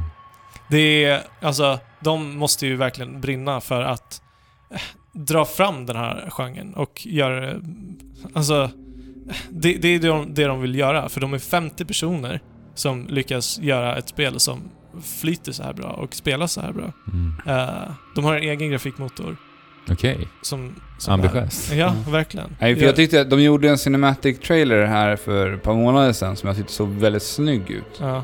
För att vara en så pass liten studio som det här ändå är. Mm. Och då fick jag verkligen upp ögonen för att jag varit väldigt nyfiken på det. Mm. Och så just i och med det intressanta loot-systemet som de har i spelet så fångar det verkligen mitt intresse. Precis, och det är verkligen det som skiljer det här från Dark Souls. Mm. På, på det största planet. Ja. I, eller i alla fall när det kommer till gameplay-momenten. För här, här kan varje fiende spela roll hur du väljer att ta dig an den fienden. För att du kan samla material och blueprints från de fienderna som du möter och dödar beroende på vilken kroppsdel och vilken armor-rustningsdel på den här fienden som du väljer att hugga av. Lite Och- Monster och- Hunter. Ja, lite sånt. Mm. Eh, men grejen är, uh, fienderna kan vara i full armor. Och de kan ha vissa delar exponerade, eller vad heter det? Eh, helt fria. Mm. Och på de delarna så, kom, så kommer du göra väldigt, väldigt mycket mer skada, såklart. För att Mm. om du slår på en rustning så kommer han inte känna det lika mycket, naturligtvis. Eh, och det gör att du alltid får liksom bestämma, vill jag ha mervärde av den här fienden genom att göra det lite svårare för mig själv och fokusera på, på de här rustningsdelarna så att jag själv kan, kan crafta Mm. eh, den rustningen och kanske avancera i min karaktärsprogression. Eller vill jag bara få det överstökat och slå på hans huvud? Komma vidare, liksom. Ja, Vet du vad Armor har för stats innan du väljer att... ingen aning. Så det är lite lottery där. Jo, men alltså så, så mycket det spelar ingen roll. Alltså, du möter ju sällan en, en fiende som har den här, som bara har den här typen av rustning. Okej. Eh, eller jag har inte gjort det än. Eh, det blir lite så här, allt eftersom du progresserar så kanske kommer, så kanske en typ av eh, armor är mer sällsynt än andra, men sen så kommer den ändå att bli ganska vanlig när du avancerar lite ännu mer. Vi har scraps istället för souls i Mm. Såklart. Tech scraps. tech scraps. Är det va? Yes, men ja, Ja. precis. Eh, och den använder, den använder du för att bygga saker och för att levela upp. Men levelsystemet är helt annorlunda också. Ja, Eh, för man levelar upp sin core okej. i, sin, eh, i sitt exoskelett. Mm. Eh, och för varje level så får du en till, ja, core level. Och varje Mhm. core level kan ses som eh, att du låser upp ett nytt utrymme. Okej.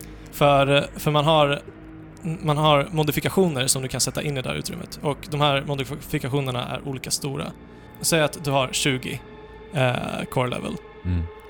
Så, så kan du fylla upp det med liksom, eh, modifikationer och rustning Upp till 20. upp till 20. Ja. Eh, man levelar inte strength eller stamina eller endurance eller vad det är. Nej. Vilket jag tycker är väldigt skönt, som är ganska ambivalent. Nu är det bara att in och levela upp och sen så får man, så får man bygga sin karaktär allt eftersom. Och Mm. det, det är alltid rörligt. Så att karaktärsprogressionen ligger mycket i eh, eh, rustningar och vapen som du lootar då från fiender mera. Eh, ja, och de här... eh, Core level. Och de här augmentations som man hittar. Ja. För det är Estus flasks. Du sätter in exo, eh, exoflasks i de här modifikationerna. Okej, Eh, till och med och det. typ mer hälsa, mer energi eh, Mm, och mer stamina. Mm. Stamina-mätaren funkar precis på samma sätt. Att man måste eh, hålla koll på den för att inte göra tillräckligt... Eller för att inte göra av med den. För att när du väl har gjort av dig med all stamina så kan du inte dodga och du kan inte attackera förrän inte den har fyllts upp igen. Mm. Eh, man kan röra sig, Ja, men... men eh, bara standard Ja. Rörelser. Det är inte Neo, Neo där då? Där Nej, blir man ju totalt immobil.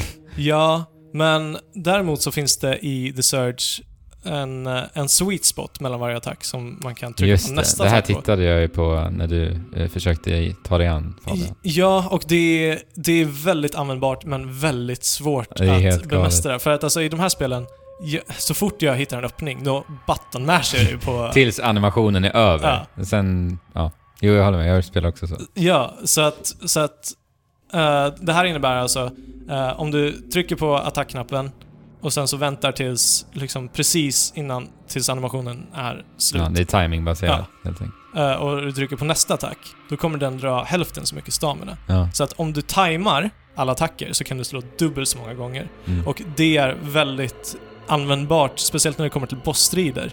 Eh, där du, där eh, staminan har väldigt stor eh, betydelse. Mm. För hur mycket skada du liksom kan mata ut under kort tid. Men Mm. funkar det så att när du inleder ett combo, blir...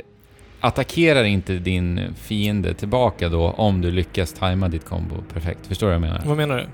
Alltså om du inleder ett combo Ja. och sen gör du en perfekt combo nu. Du, du Ja. lyckas tajma, säg, sex slag på, på, på en gång. Aha.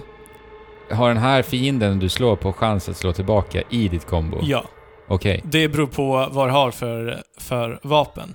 okej. Eh, och hur hög impact vapnet har. Shit, man måste ju ha så mängder av is i magen för att Ja, verkligen. av Alltså det det där. är, det är verkligen is i magen. Men vi har också en till mätare här som är energy.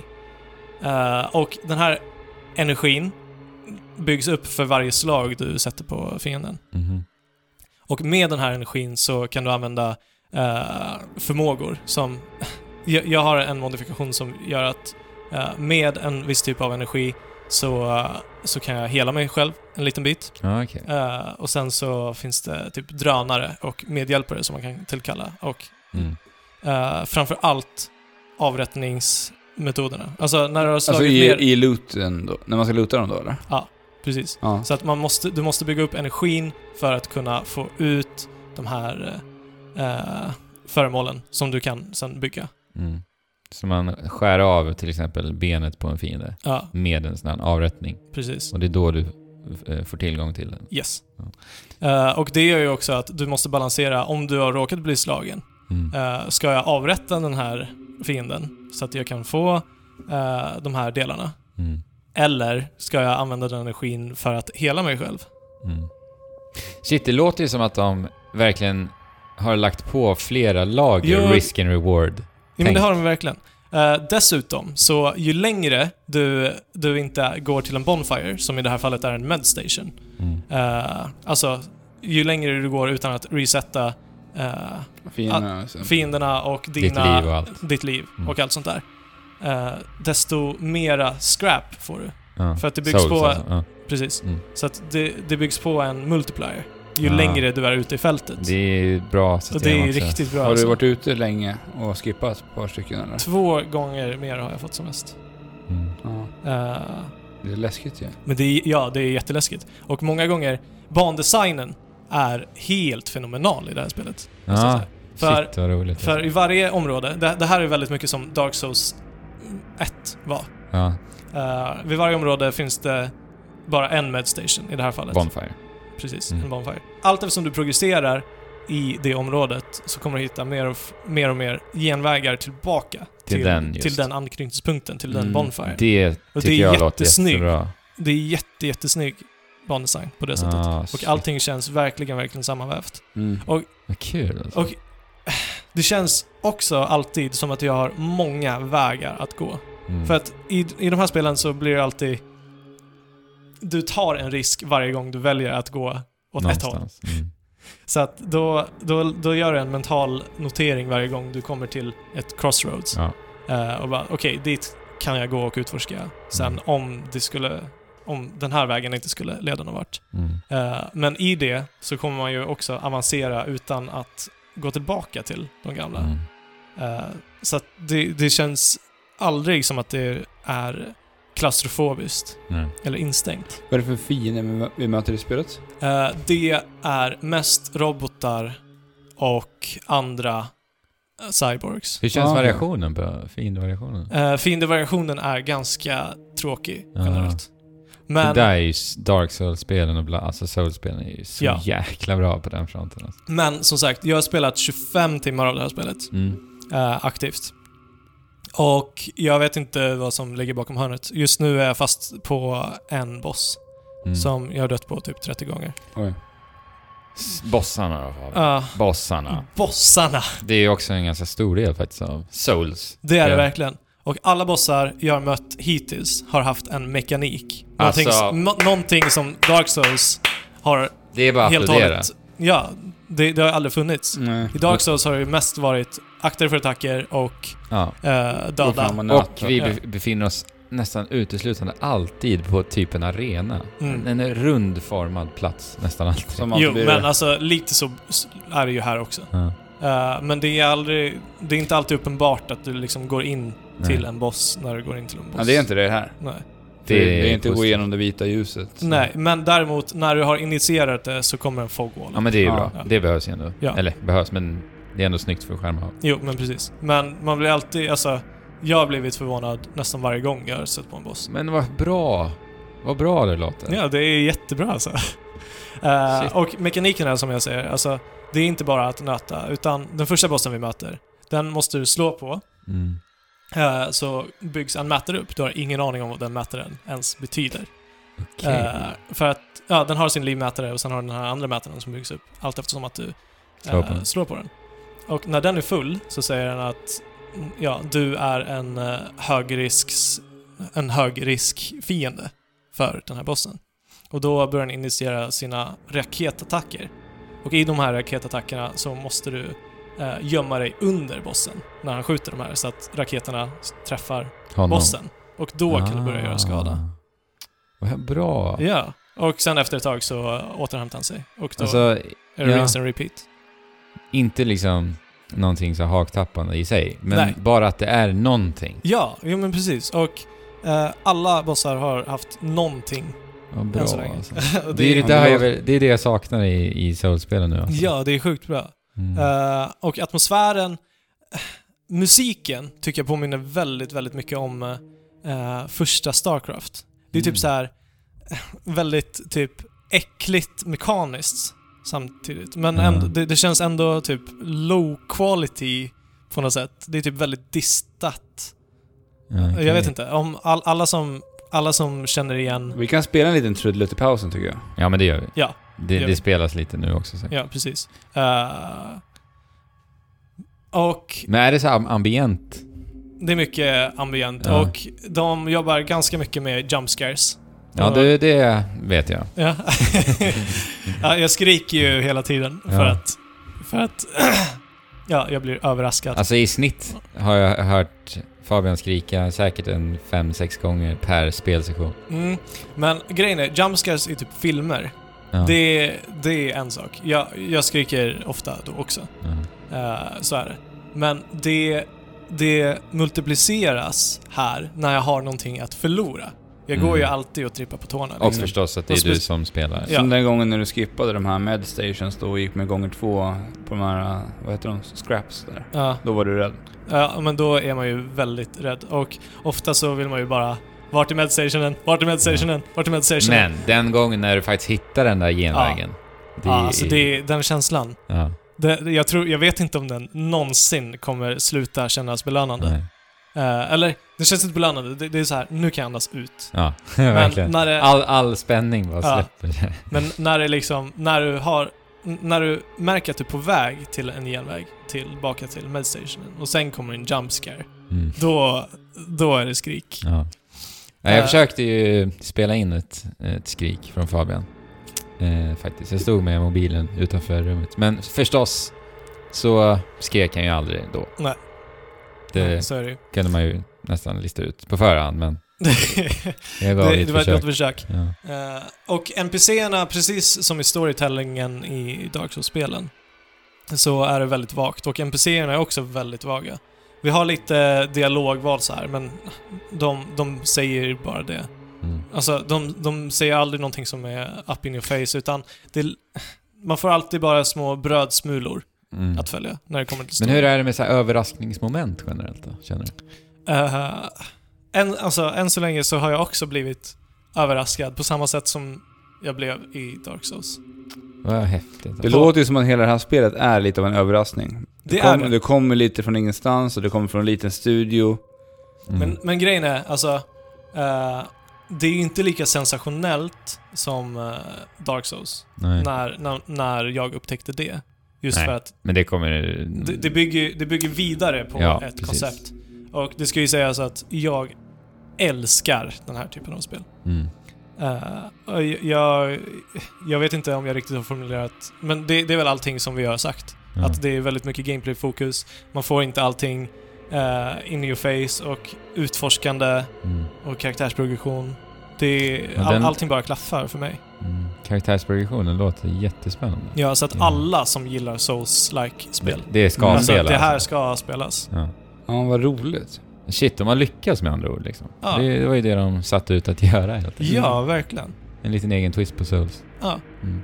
De lyckades ju kanske inte då med Lords of the Fallen. Baserat på lite vaga betyg vi har sett, men vi har ju inte spelat det. Så. Nej, jag har inte heller spelat det Ja. och jag, jag tror inte jag kommer att spela det. Nej. Men det Eh, känns ju som Nej, att de har har... tagit det till nya nivåer med Ja men precis. De har ju Ja. lärt sig ett annat, uppenbarligen. De, de, de har ju ändå lyckats göra det eh, till The Surge. Ja.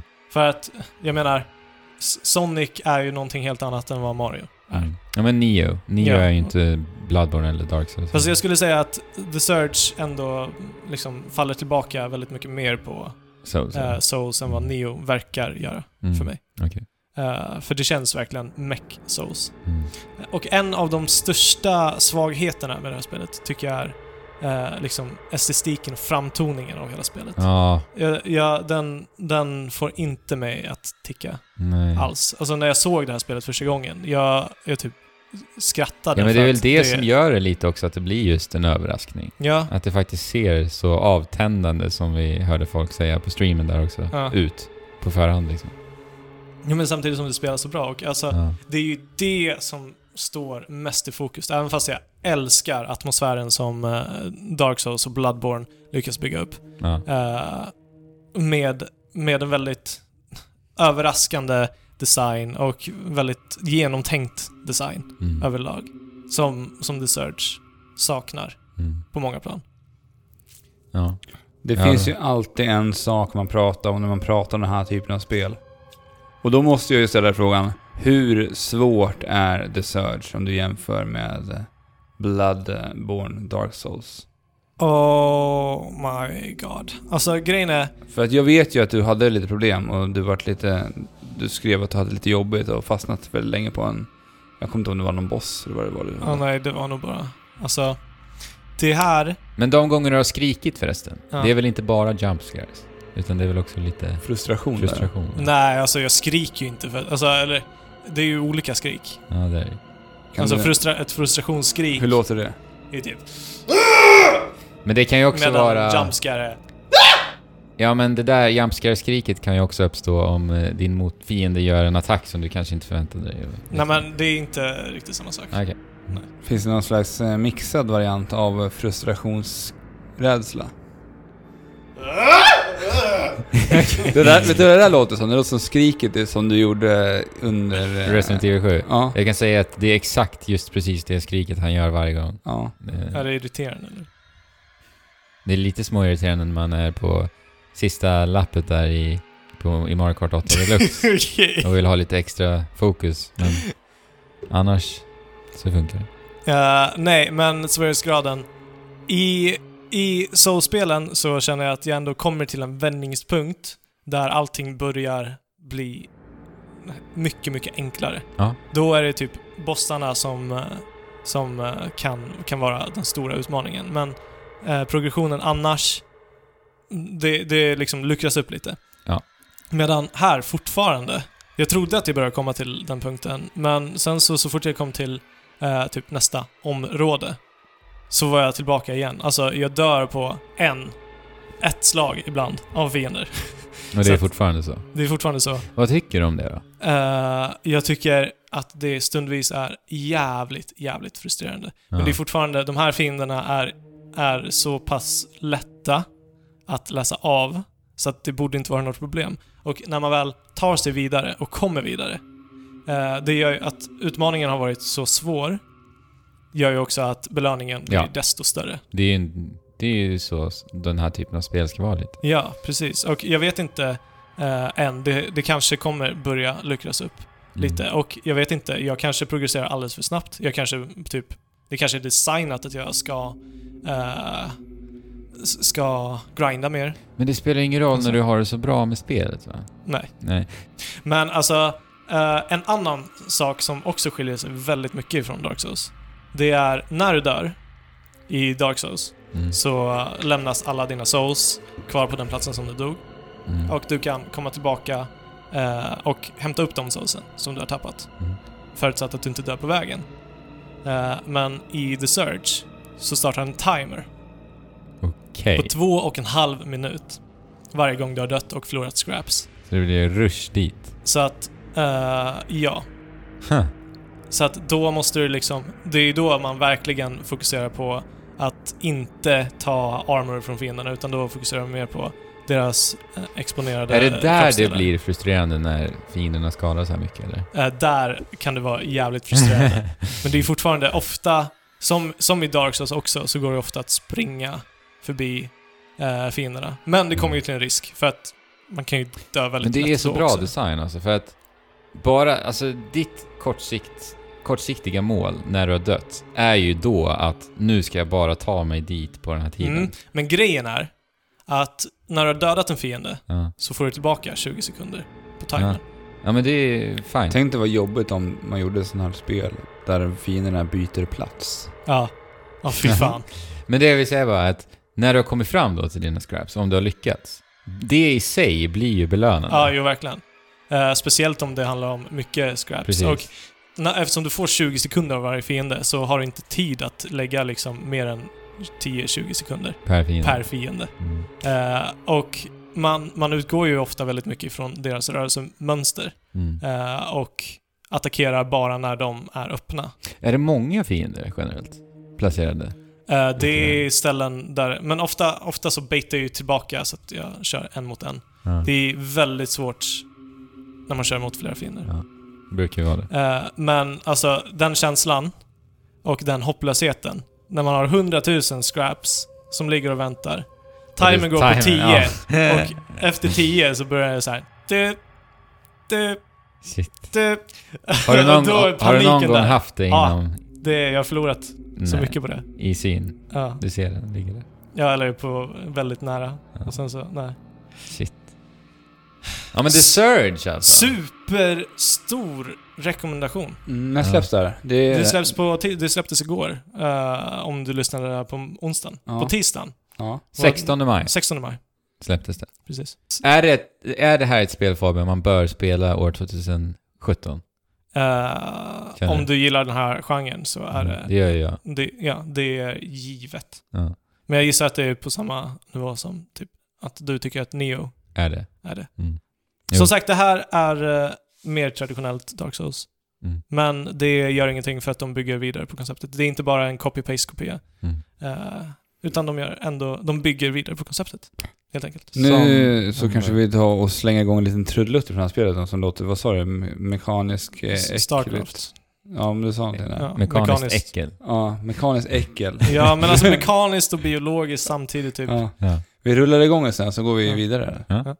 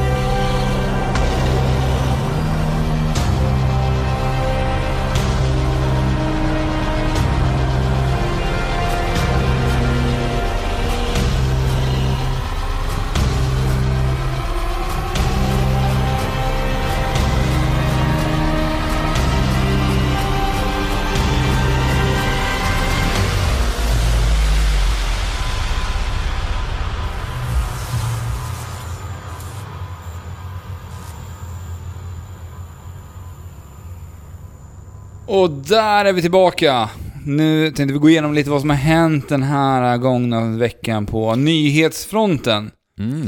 I spelvärlden. Spännande, spännande. Ja, det dök upp en eh, liten eh, nyhet kan man säga, här för några dagar sedan. Det hoppas jag. Ja, I och med att vi är inne i nyhets... ja Segment. från eh, gamla utvecklare som jobbade med Parappa the Rapper, Ja. samt en annan utvecklare som jobbat på, vad är det nu? Elite Guitar- Beat Agents, eller Oendan som det heter i Japan, Mm. och eh, Guitaroo Man. Mm. Och Guitaroo Man är ett musikspel som jag och Andrew håller extremt nära hjärtat. När, Oh ja. när det kommer till japanska galna rytmspel. Eller musikspel överlag. Ja. Jag tycker nog det är min absolut favorit. Ja, det är ett jätte, Är det jättebra... bättre än gitarrer då?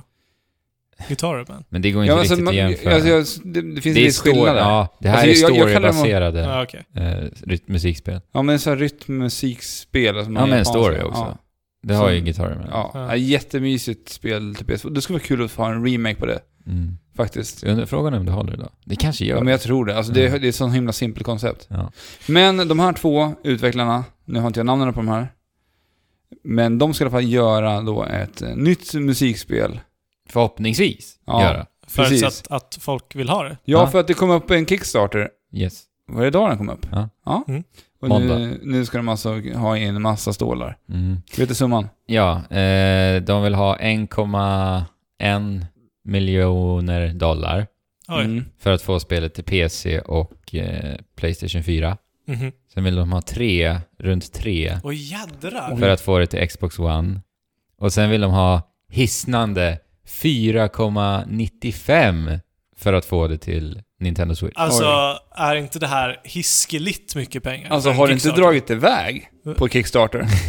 kan man ju tycka. Alltså Det- i början, vad var det, nej jag tänker på, vad heter det? Tim Schafers Ja, spel, köper jag. som var en av, de- som en av de första som gick i bräschen för det här med kick, kickstartade spel. Ja. Han krävde ju inte ens i närheten av de här summorna pengar. Men alltså, många, många Kickstarter-projekt visar sig ju att sen att de pengarna som de fick från Kickstarten inte alls räckte till, så att de söker ändå, Mm. eh, vad heter det? Folk som investerar, investerare, Mm. eh, senare. Ändå. ja.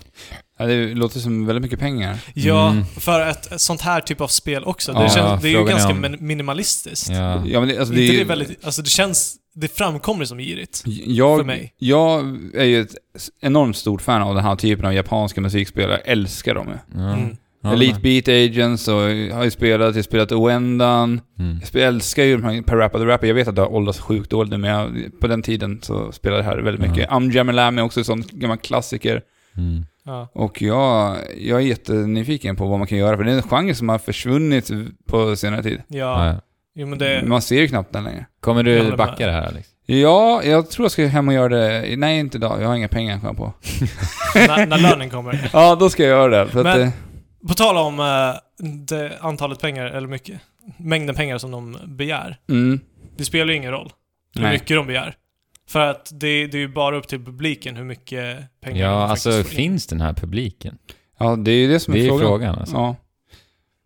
Kanske i, i Japan, men jag vet Ja. inte om det är så stort här i väst längre. Mm. Med den här typen av Men jag, spel. tror, men jag tror att många är eh, nostalgiska när det kommer till Ja. Parappa the Rapper. Det räcker att det är på. Rapid Rapper-utvecklaren. Och, Ja, och ändan är ju väldigt stort också. ja Goenda ja. Ja. Mm. ja, det blir kul att se hur det går för den här kickstarten. Mm, Ja. faktiskt. Vi, vi, vi får följa upp det och se när den här kickstarten är klar, så får vi prata om det då tycker jag. får vi göra. Mm. Vad heter spelet då? Eh, eh, det alltså heter Project Rap Rabbit, så det vi kör rapping igen, Ja, Med en rabbit. ja, ja. istället för en rappande hund då. Det, det är så gulligt när de presenterar Project Rap Rabbit. Rabbit, rabbit. Men på tal om musikspel så har vi ju Bandai Namco pratade förra veckan om att de ska släppa tre nya spel till Switch. Vi har där eh, Dragon Ball Xenoverse 2 och en ny eh, del i spelserien Tales of. Yes. Men det är inte det som är intressant i det här tycker jag, utan det intressanta är att de ska släppa ett spel som eh, heter så mycket som Taiko Drum Master. Ja, just det. Och det här är en arkadspel som har blivit jättestort i Japan. På tal Ja. om japanska musikspel. Ja, Mm. jag har ju fått möjligheten att testa det här. De har ju en arkadhall uppe i Stockholm. Mm. Där jag har varit och testat det här. Och du vart frälst? Ja, jag älskar det här. Mhm. Tänk er Donkey Konga, Mm. fast vi har istället två trumpinnar Ja. som vi slår på trummor i takt till musik. Och det är jätte, jätteroligt. ja. Alltså jag blir så himla sugen. Du länkade ju en video på någon som liksom klarar Superduktig, av super, ja. ja. Eh, det, det där, alltså ja du... Jag, jag kollade upp det för att den, den videon jag skickade så var det ju, de hade ju hemma-set för det här. Och det släpptes Wii. ju till, Swi- till Wii, precis. Där man kunde köpa trummorna och fick de här tjocka trumpinnarna till det. Men till Switch då? Hur det, kommer det? Vi vet inte än. De har bara sagt att det ska komma. Förmodligen kommer vi få med en trum. Ja. Ja, men, alltså, ja. Och sen Om måste vi- vi få också datum på att det släpps i väst. För att Ja. förra gången släpptes det bara i Japan. Ja, okej, och det jag vet vi hoppas inte. eh, innerligt på att det här kommer till väst. Ja. Ja. jag med. Men man måste ju ha trumman. Annars kan är det inte bara stå med importera ju. en Det är ju Switch. Ja, Ja, det är det. just det, det är sant. Regionsfri. Ja, det behöver man inte. Det gör jag i så fall. Det gör jag. Ja. Så det spelar ingen roll. Nej. Det kommer i alla fall. Jättekul i alla fall att det kommer hit Mm. på något sätt. Även om Ja. det blir import eller... Det att kommer det kommer- till Switch. Ja, vi kommer få spela i alla fall. På något Men sätt. hörni, eh, Bandai Namco har ju sagt nu att de har en hel del Switch-spel ju, som Mm. sagt. Tror ni att det blir någon form av Dark Souls? Tri- tri- tri- tri- Triology? Triology. Kommer från, Eh. för vi vet ju att From Software, de har ju någonting till Switch. Mm. Om man ska lita på den där tredjepartsbilden. Alltså, jag, jag hoppas ju verkligen inte att det stora de har är en remake till ett Switch. Nej, det vore ju lite trist ändå. Eh, utan jag vill ju helst att de har någonting, Chibi Dark Souls. någonting originellt till Switch. Ja. En lite gulligare Dark Alltså jag Souls. tror verkligen att, att en Dark Souls-trilogi kommer ju att komma. Men alltså frågan är, kommer det till Switch? När vi snackar om NBA Playgrounds eller vad det heter, Ja. Mm. och det typ inte ens funkar, då, då känns det orealistiskt att Dark Souls Ja, 3 men det skulle kunna ja, flyta fast på. det är ju Ja. en dålig jämförelse också. Ja, jag, jag har svårt att se att det faktiskt ska rulla bra på en Switch. Men samtidigt så har de ju sagt att de har fått det att rulla Ja. på Switchen. Men rulla vet vi inte vad det innebär heller. Nej. eller? Nej. Det kan ju vara att spelet går i 5 FPS. Ja. Vi har ingen aning. Ja, nej. Vi får se. E3 snart, kanske då. Vem vet? Ja, E3 Nintendo har ju berättat lite om vad de kommer göra där. Ja. Vad var det? Odyssey Gamla vanliga. och lite turneringar. Ja. Ja. Splatoon och Arms turneringar. Ja. Eh, lite Switch-spel. Det var ändå nice att se att eh, i texten där, eh, när de förklarar deras Nintendo Spotlight. Ja, kallar de det heter ju inte Digital Event Nej. längre. Okej, för att förklara vad det är så är det helt enkelt en Nintendo Direct. Ja. Eh, Fast, fast E E3... Under, ja, e, under E3-veckan. Ja. Det är ändå härligt att se att de inte nämner 3DS där, tycker jag. Så det Mm. kommer bara vara ett Switch-spel. Förmodligen. Kanske något 3DS-spel. Ja, troligen. Någonting. Men, Eh, och fokus på spel som släpps i år. Det gillar jag också. men samtidigt så behöver de ju verkligen försäkra publiken och Mm. de potentiella köparna Ja. att Att Det det, finns- går att investera i Ja. Switch, eller att det är värt att investera Men jag gillar just att de säger fokus på spel som släpps i år. Det säger Mm. ju att det kommer ju säkert, säkerligen finnas någonting som Mm. släpps. Vi får se. Tiden kommer... Ja, vi har inte tid att diskutera det där. Vi kommer att prata E3-förutsägelser när det börjar närma sig lite närmare. Mm. Zelda till mobiler, Jaha, ja. säger Wall Street Journal. Jaha. Det här gör ju att jag får... Det gör lite ont i magen. Okej. För mig. Vadå då? Alltså, en Zel- ett Zelda-spel eh, i, på en mobil. Oundvikligt skulle jag säga. Oundvikligt. Det, det här var ju klart som korvspad att det skulle hända. Varför säger du så? Finns För att mycket pengar. Nintendo har börjat göra mobilspel och Zelda är ett av världens största varumärken när det kommer till spel. Ja, och bara efter den statistiken man fick se på Breath of the Wild Ja. och skicka ut det här varumärket på mobiler. Mm. Känns ju ganska självklart. Men ett Ja. äventyrsspel på mobil. Nej men, alltså. eh, ska vi spekulera lite? Jag tror ju att det här kommer bli ett spel lite i, i stil med Lara Croft Go och typ Hitman Go. Mm. Ja. Alltså Ganska väldigt- bra. väldigt- Avskalat. Ja, Mm. avskalat. Eh, bara fokus på pussel. Ingenting Mm. annat. Kanske att du stöter på en fiende, men så får man se Link slicea lite med sitt svärd. Men, men hur tror du Mm. man kommer styra det då? För att eh, Touchbaserat. de har ju en gång sagt att de in, gärna inte skulle vilja se det så. Vadå? Med touchkontroller. Jo men, eh, att du alltså trycker, Ja, det, det, dit inte, du ska gå. inte virtuella styrkors och Nej, nej, nej, knappar, nej, nej. För det är det de har. Utan du trycker bara Ja. på pussel, i pusslet, i, Ja, i tänk- spelvärlden. Jag, tänk- jag tänker du ska lite gå. som man, man hade de här gestikuleringarna man gjorde Ja. i eh, Spirit Tracks och, vad heter det andra? Ja, Triforce Heroes. Nej, Vadå? den, de, de Nej, hade... nej, men du menar Jaha, nej, nej, nej. Phantom Nej, Hourglass men inte och så Spirit heller. Tracks. Ja, Utan jag tänker inte så. Monument Nej. Valley, så tänker jag. okej. Att du trycker på en punkt, sen går Link automatiskt dit. Mm. Ja, men det, Ja, det- hade, det det hade kunnat funka. Mm. Med pussel. Ja. Eh, och, eller kanske att de eh, tar lite inspiration ifrån deras eh, fina lilla guldkorn Captain Toad. Ja. Alltså att du blandar, ihop, blandar Captain Toad med det jag nu förklarade. ja, då blir det ju typ Monument Valley. Ja, men precis. Mm. Jag tror, tror något sånt skulle ändå funka. Eller så gör de bara Breath of the Wild 2, ett stort open air-spel till mobilen. ja. Med mikrotransaktioner. Du behöver... Mikrotransaktioner. Ja, du, Varför ska det vara? för att man behöver eh, fylla upp sin stamina genom att köpa. Ja, men förstås. Det har du rätt i. Ja. Mm. Mycket Men pengar. eh, ja, vad tror ni då? Det låter ju eh, som ett ganska bra sätt så som du... Ja, jag tror det Tänker. faktiskt. Mm. Det, jag tror vi, Zelda vi kommer mobilen inte få se ett. Zelda-spel. Nej, Nej. det kommer inte. Nej, men kanske. De kanske gör de det skitbra. Ja. Kanske är det alltså det tredje spelet Nintendo släpper till mobiler. Mm. Efter de nu släpper Animal Crossing. Just det. När det nu kommer. Nej, det blir väl fjärde? Blir det ju. Ja, om man Super Mario räknar Run, med... Fire Emblem, Animal Crossing, Zelda. Ja. Mm. Om man inte... I och för sig, Miitomo kan man ju räkna med här också. Ja, fem Mm. också. Massa. Men det var inget... Det var inget ja. Alltså hur tycker ni generellt att Nintendo-spel har varit? Nu när vi ändå har fått... Alltså, så långt som mobilspel går så tycker jag ändå att Mario Run var, var roligt så länge det var. Mm. Och att Fire Emblem Heroes var... Jag hade, ett dock, tag. jag hade dock velat säga att Nintendo var bättre på att uppdatera Super Mario Run så hade hållit det lite mer intressant för att det kändes väldigt... Eh, efter ett tag så kunde man se det här mönstret Ja. i hur banan spelades och det vart väldigt tråkigt då. Mm. Så att där bygga får de bättra sig tycker jag. Mm. Ja, vi får se.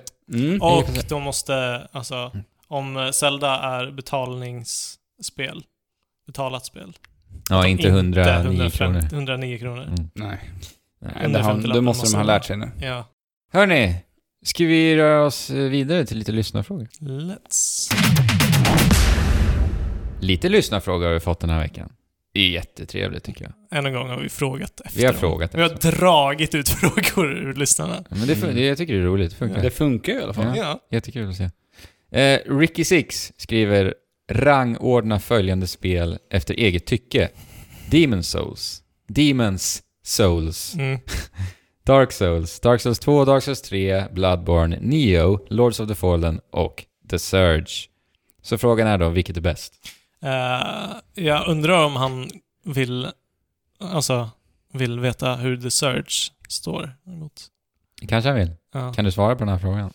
Eh, ja. Ja, alltså jag tyckte... När jag spelade Dark Souls 1. Det, jag vet att det inte håller sig lika bra idag om det inte skulle uppdateras.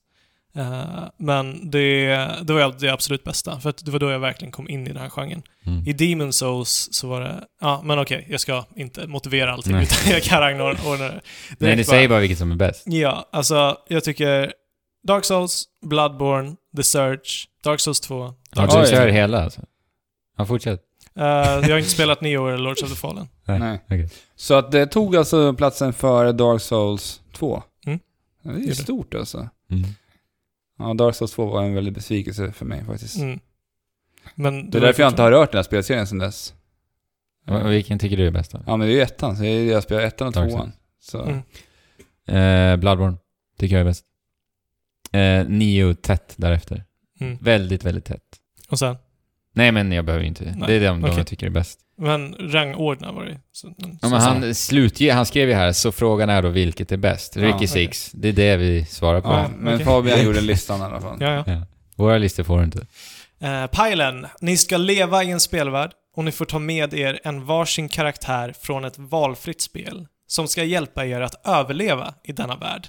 Och till er hjälp får ni välja ett valfritt fordon från ett spel. Mm. Vad väljer ni och varför? Ska vi göra så att vi tar med oss en karaktär tillsammans? Alltså att vi tre ska överleva i den här världen. Ja, så vi kan, okej. Jag tänkte så vi kan diskutera ihop oss vem vi ska ha. Det här känns Mm. lite déjà vu-aktigt. Jag tror att vi kanske har fått den här frågan tidigare. Jag vet Jag inte. vet inte. Alltså jag hade ju en jättefin kombination. Hade du? Mm. Vad tänker du då? Kör på den då, första. Eh, alltså jag är... Nu blir det såklart det, det blir lite så här, jag spelar Mario Kart 8 nu Mm. och bla bla. Men, alltså jag totalt fullkomligt älskar Yoshi-motorcykeln i Mario Kart 8.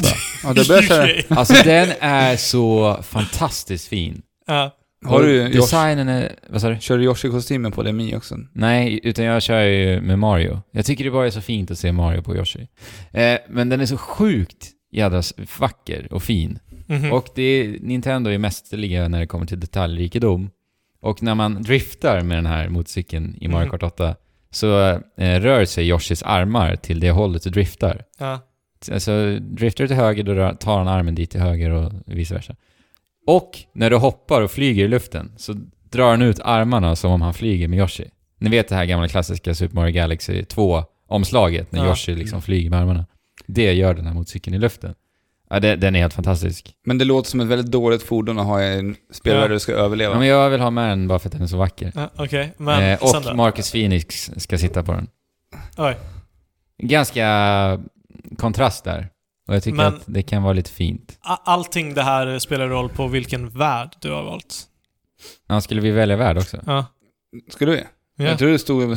Nej, han skrev... Ni ska leva i en spelvärld. ja, det är en random Ja. spelvärld. Du Vad kan... väljer ni och varför? Nej men det finns ju inga random spelvärldar. Ja, men- Det, det, det är som att säga eh, att du ska äta mat, men vad är det för mat du ska äta? Ja, vi, ska- vi, vi kan bara sätta den på ett jävla spinnhjul och sen få se vad det blir för mat. Vi kan göra så. Shit, den här frågan... I Dark Souls-universumet. Nej, jag ska tänka Ja. lite så kan ni... Okej. Alltså jag vet ju i alla fall vilket fordon man vill ha. Men Ja, då är tänker jag på oss som en grupp. Ja. Att vi ska åka tillsammans. Och I det bör- Mario Party senaste... Nej, nej, för helskotta. vi ska ju såklart åka i en Warthog. Spelvärldens kanske Ja. bästa fordon. Ja, Jo, visst. Det är ju ett fantastiskt fordon. ja Där Ja. vi tre och en person till kan sitta i. mm. Jo, det är sant. Ja. Uppe på den här eh, maskingeväret Ja. ska den personen Ja. stå då. Men det har jag inte bestämt vem det är ännu. Nej. Men vad tycker ni om valet av Warthog? Tycker ni det är bra? Ja, men det tycker jag. Vi förutsätter Ja, att det är en typ en dystopisk värld vi lever i. Vi ska ändå överleva. Det vill inte vara i någon vi kan leva i The unicorn. Search-världen. Ja, det, vi kan vara i The Search-världen. Okej. Vi lär inte vara i någon... Eh, mm, tänker någon sån här... Nintendo-värld liksom. Nej. Nej. Det är ju det är mörkt. Eller? Eh, och vem ska stå där? Jag vet inte. Bakom maskingeväret? Alltså det... Ja. ja. Alltså Kratos är ju bra. För att han... Fast han är ju jävligt han behöver arg. inte Han ha- kommer inte vara en Svår att kommunicera med. rolig Men det- bundsförvant. Nej, men det som är fördelen, han behöver inte hoppa på turreten. Då kan någon av oss sitta på turreten. Så, så är han han- där med sina Chains of Olympus och slänger dem genom fönstret, eller vad det. Ja, Ja. han kan ju stå och liksom sitta på fronthuvudet. Jag tänker lite Mad Max. Vi Ja, sätter just honom det. längst fram. Mm, Så kan han liksom stå och slunga precis. sina Mm. kedjor. Det är... Det, är, det är ju en cool bild. Ja. Ja, det är Och så sitter Fabian på turret. Det är Ja. det ju. Spelkaraktärer alltså. Och det, är, Det är svårt. ja, det är svårt att bara komma på dem så här på rakan. Jag tänker att Kirby kanske hade varit nice att ta med sig. Han kan förvandla sig Ja.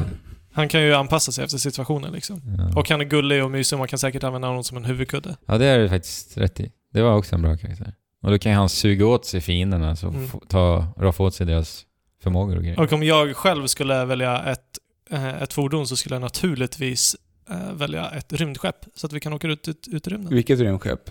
Samus det- Arons, tror Så, Okej. Okej. jag. Eller, eller eh, vad heter det? Normandy Ja. från uh, Mass Mass Effect. Mm. Ja, det var ju den bilen jag tänkte på först istället för Warthogen. Ja, Men. Warthogen är lite coolare. Ja, det är. Men eh, då kan man ju åka till andra världar med ett rymdskepp. Jaha. De är inte fast Då kan vi fly direkt. Ja. Det är smart. Kan vi dra till Bloodborns universum om vi Eller drar vi till någon gullig och färggrann värld tillsammans med Kirby bara. Ja. Ja. Men har vi inga eh, liksom dimensions t- traveling eh, fordon i spel? Eh, vet Säkert. inte vad jag kommer på så här nu. så fall. Säkert.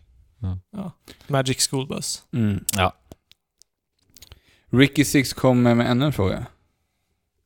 Jag var lite frågesugen idag killar. Ja, vad roligt. Ja, Nu var det ju två. ja Fan, visst. ja, Hur bör ett Mario Kart 9 se ut? Läge att lufta vingarna mellan spelen med en mer kaotisk spin-off. Wario Kart. Ja, vi har ju faktiskt Ja. redan pratat om det här. Ja. Ja. Och det var vi. avsnitt 91. Mm. ja, jag drömmer ju om eh, Super Mario Kart World. Ja. Mm. Det vill säga alltså ett Mario Kart där vi har en öppen värld, likt Mario, alltså Mario Kart, Super Mario 64. Eller tänk, vi, vi säger så här, Diddy Kong Racing så är det enklare att jämföra med. Mm. Men det ska vara mer öppet, vi ska ha för hela Mario-världarna, vi ska kunna hoppa ur bilen, göra massa annat plattformande, Mm. bara att vi har Mario Kart-delen också. Så, Mm. så Ricky Six, vill du ha en lite mer djupgående diskussion kring det här, den här frågan så kan du ju lyssna på Mm. avsnitt 91. Ja, var det förra veckan vi pratade om det? Nej, förra, förra. Ja, Ja. okej. 91. Och 93 sen, då. sen kanske att man drar in lite flera karaktärer. Ja, Kanske inte bara från, eh, alltså att man gör lite Smash. Ja, men precis. Att det inte bara är Nintendo Det kommer nog att ske lite tror jag. Lite. I den här Mm. serien. Ja, men jag känner att det behöver hända någonting mer med Ja, Mario Kart. för att det Nintendo behöver- Kart kommer det heta. Jo, precis. World. Nintendo. Eller först, ja, jag vet inte. Vi får se. Mm. Uh, Glenn 0222 till Andrew. Du verkar vara en av de få som gillar första Gears of Wars multiplayer lika mycket som mig.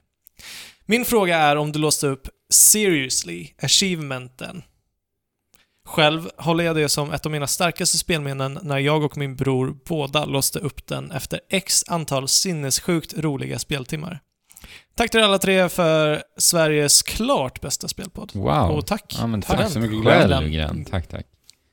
Eh, ja, det gjorde jag. Du låste upp Seriously achievementet. Ja. Vad innebär det? Det innebär att du ska ha ihjäl 10 000 eh, motståndare online i rankade matcher i Gears of War. Oh my lord. Och i Gears var ju det fruktansvärt men mycket med tanke på vad, vad tog man i snitt en match? Alltså var du riktigt duktig, då kunde du ju få i alla fall 15 plus liksom, Ja. i en match. En match håller vi på i alla fall 20, en kvart, 20 minuter också. men, Och det är ju ganska lite på den tiden. Ja. men alltså, typ, innebär inte det att du var tvungen att döda samtliga som körde Gears of War multiplayer på den tiden? Alltså du behöver inte döda 10 000 unika förstås. N- Nej, nej, men det, det kanske blir så. Det, eller, det lär väl inte varit jättemånga som körde? Eh, jo, Det var Gears of väldigt- War var enormt. hur, hur många spelare uppskattas Ja, det haft det? Alltså det vet jag inte, men det, det var, var ju... väldigt stor för, på Ja, det var tid. Men det, är, otroligt det uppgår ju inte över 100 000. Alltså jag Det tror, tror att jag nog. det spelet var det riktigt sant? stort alltså. Ja. Online. Ja, ja. Ja, Det var hur stort okej. som helst. Det blev ju jättebra mottaget på grund av eh, online-delen också. Ja, ja. Eh, så. Men, Ah, ja. jag har låst upp den. Mm. Och jag har faktiskt låst upp den två gånger. ja, det är helt sinnessjukt. Eh, det har vi pratat om förut när du råkade... nej, jag har inte förklarat den här historien, tror jag. Jag tror vi pratade om den en gång lite snabbt. Har att du, jo, att du klantade bort dig med... Ja, men det- eh, precis. Jag, eh, för alla så Gears-veteraner där ute, vi har säkert, ja men Glenn vet säkert om det här. Eh, och det finns säkert någon annan Gears-veteran där ute som vet vad jag kommer att prata om. Det var nämligen så att den här achievementen var buggad. Eh, den, du visste inte om du skulle låsa upp den när du hade gjort 10 000 kills i Gears. Eh, jag var uppe i 12 500 kills Oj. och hade fortfarande inte låst upp den här achievementen. Och Andrew, eh, tonårs Andrew, vill ju ha min kära, kära achievement. Mhm. Det var ju lite som som en drog för mig. Jag var ju totalt fast i det där träsket där och då. Så jag vill ju ha den här. 12 000 kills, herregud. Mhm. Eh, visserligen skulle jag ändå fortsätta spela Gears, för att jag tyckte det var så fantastiskt bra, men jag vill ju ändå ha achievementen i sig. Just också för att när du låser upp achievementen så får du en liten eh, profil, bild, Aha. till din profil på Xbox Live. Och den ville du stoltsera med. Flasha med precis. Eh, så att jag eh, började luska i det här eh, ännu mera, för att jag luskade i det väldigt mycket redan innan, när jag kom över 10 000-strecket förstås. Eh, när jag blev otålig så började jag forska i det här ännu mer. Och eh, kollade på forum, amerikanska forum, och det visade sig att det fanns alltså personer som hjälpte folk att erhålla den här achievementen Mhm. genom att på något sätt de då glitchar till den, till din profil. Okej. Och det funkade, alltså det, det var jättemånga som verkligen bekräftade att det här faktiskt funkar. Eh, så pass många eh, att jag faktiskt lämnade över min Xbox Live-profil till en okänd Nej. människa där ute på webben. Så jävla dumt. Och jag minns så väl när jag gick och la mig den där kvällen, eh, när jag hade lämnat över profilen, att jag bara längtade till att vakna upp morgonen därefter och bara se min profilbild från Seriously Achievementen. Eh, vad händer?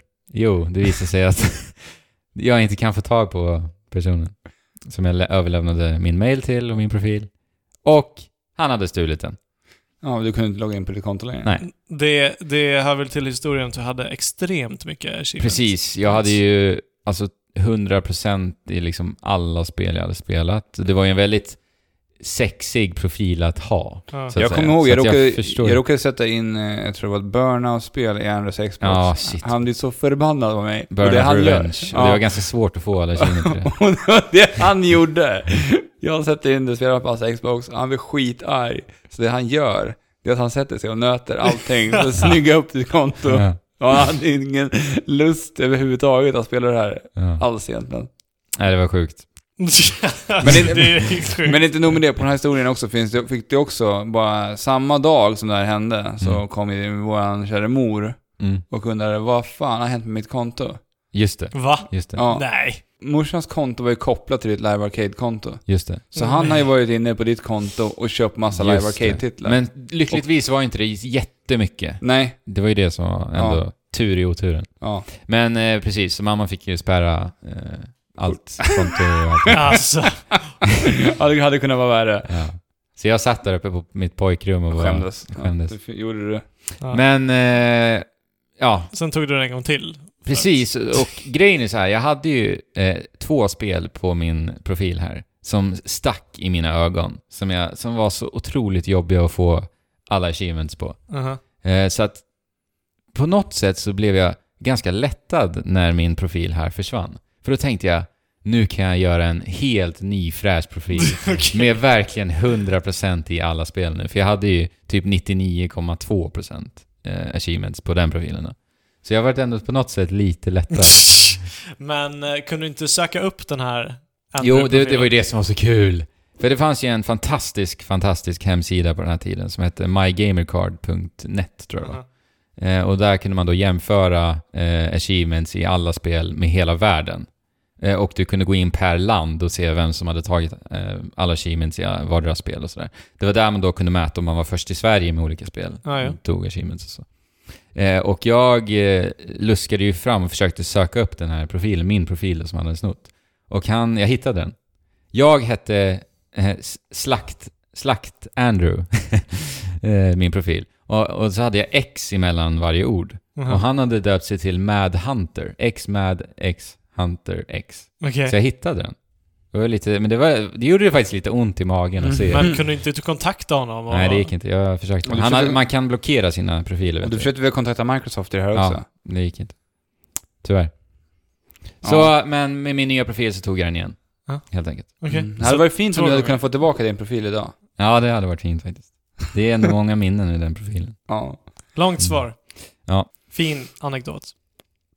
Gamerpappan skriver Nu när E3 börjar närma sig så hade det varit kul att höra om era starkaste E3-minnen. Minns själv när man satt och bläddrade i speltidningar innan internet hade kommit igång ordentligt och tittade på bilder på kommande spel och längtade. Tack för en trevlig podcast. Men det där var ju alltså årets höjdpunkt. Ja. Att köpa Superplay. Med. DVD-skivan framförallt. ja. Åh. Oh my lord, den här Wind Waker DVD-skivan. Ah. Den tittade jag på om och om och om och om och om igen. Det är, det är nog mitt starkaste. Ja, ja men jag också. Den, den är tre. Men om man, om man tänker sig E3 i, i in the moment, så att säga. När vi sitter och tittar på E3-konferenserna, för det gjorde vi ju inte då, Nej. back in the days. Då måste jag ändå säga... ehm, Jag började nog kolla, jag tror jag kommer ihåg min första E3. Det var nog det året DS. när Wii utannonserades. va, är det sant? Ja. Vi kollade, var, det var väl du och jag som kollade på... Ja, det var, det var nog DS. det året. Nej, DS, när de utannonserade DS, Nintendo DS. När Reggies första E3. Det kollade vi också på. Ja, men då måste det För det var ju då eh, Miyamoto gick upp och visade Twilight Princess. Ja, men det måste det ha varit. Jo, ja, det är det. det var det första. Ja. Och det är också ett av mina Mm. starkaste minnen. Just när Reggie bara “We've got one more thing”. Ja. Och sen så får vi se Hyrule-fältet med den här lite mer realistiska tagningen det på var, Zelda. Det var tårar. Ja. Den Ja, trailern det, det var när jag det fortfarande var tänkt till Nintendo Revolution. ja, just det. Som Det- då blev precis en innan Wii. Wii. Mm. Mm. Ja, det är magisk, magiskt ögonblick. Ja, faktiskt. men sen så uh, för ett par år sedan när Sony hade sin dunderkonferens. Det är ju Mm. klart. Ja, för, det förra var året helt, det. Ja, det var väl... Alltså det finns så himla många E3-minnen. Jag har ju svårt att sätta fingret på just Ja, sedan. Men när God of War visades. Den ja nya- förra året med orkestern och allt. Ja. Jättebra.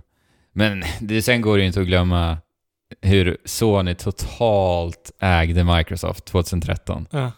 När de eh, gjorde den här fantastiska lilla klippet när de visar då hur man, hur man lånar ut spel. ja. Alltså det, det, det var så Så genialiskt. Ja. Men också när eh, Microsoft gick upp på scenen och visade Kinect och sen så skulle han göra någon pose eh, med Kinecten för att visa att avataren följer hans rörelser och den fuckades upp helt och hållet. ja, men det är ju Skyward Sword också ju. Ja. När, när Jag tycker det är härligt den här gången är M. Night Shyamalan. Shyamalan. Shyamalan. Vem är det? Filmproducent. Aha. Gjort Signs och... Ja, ja. Vad är det? Sjätte sinne? ja, precis. Tror jag. Ja, det måste det Han var ju med på Nintendos presskonferens en gång i tiden. Spelade trummor. Ja, Just när de visade upp Wii, Wii Music. Music. det, är, det är ett fantastiskt eh, Ja. minne. En stund. Alltså det Ja. mest antiklimaktiska minnet jag har, det är nog när Nintendo eh, visar Wii U där. Ja. Alltså precis innan Wii U ska släppas. Eh, 2012 måste det ha varit va? Eh, när konferensen börjar leda mot sitt slut, och sen säger de “We got one more thing”. Där har vi ju då lärt oss att one more thing när Nintendo står på, på scenen, det betyder verkligen någonting. Och sen visar de Nintendo Land. Ja. Ja, just det. Nintendo Land. Och så försökte man hitta någonting roligt i, Till Wii U. i det. Ja, jo precis. Men vad, vad ska vi spela på Wii U när den släpps i höst, Nintendo? Herregud. Nej, det var enormt. Gud, det känns inte som att det är länge sedan. Nej. Nintendo där. Ta- 2012. Ja. År sedan. Ja. Det ljuva. Tack för en bra podcast. Kul också med YouTube-versionerna. Jaha. Ja, det är första kommentaren Första jag fått kommentaren på, YouTube, eller på Ja, videopoddarna. Videopoddarna. Ja, det har vi ju lagt av med nu, Ja. dessvärre. Ja. Dessvärre.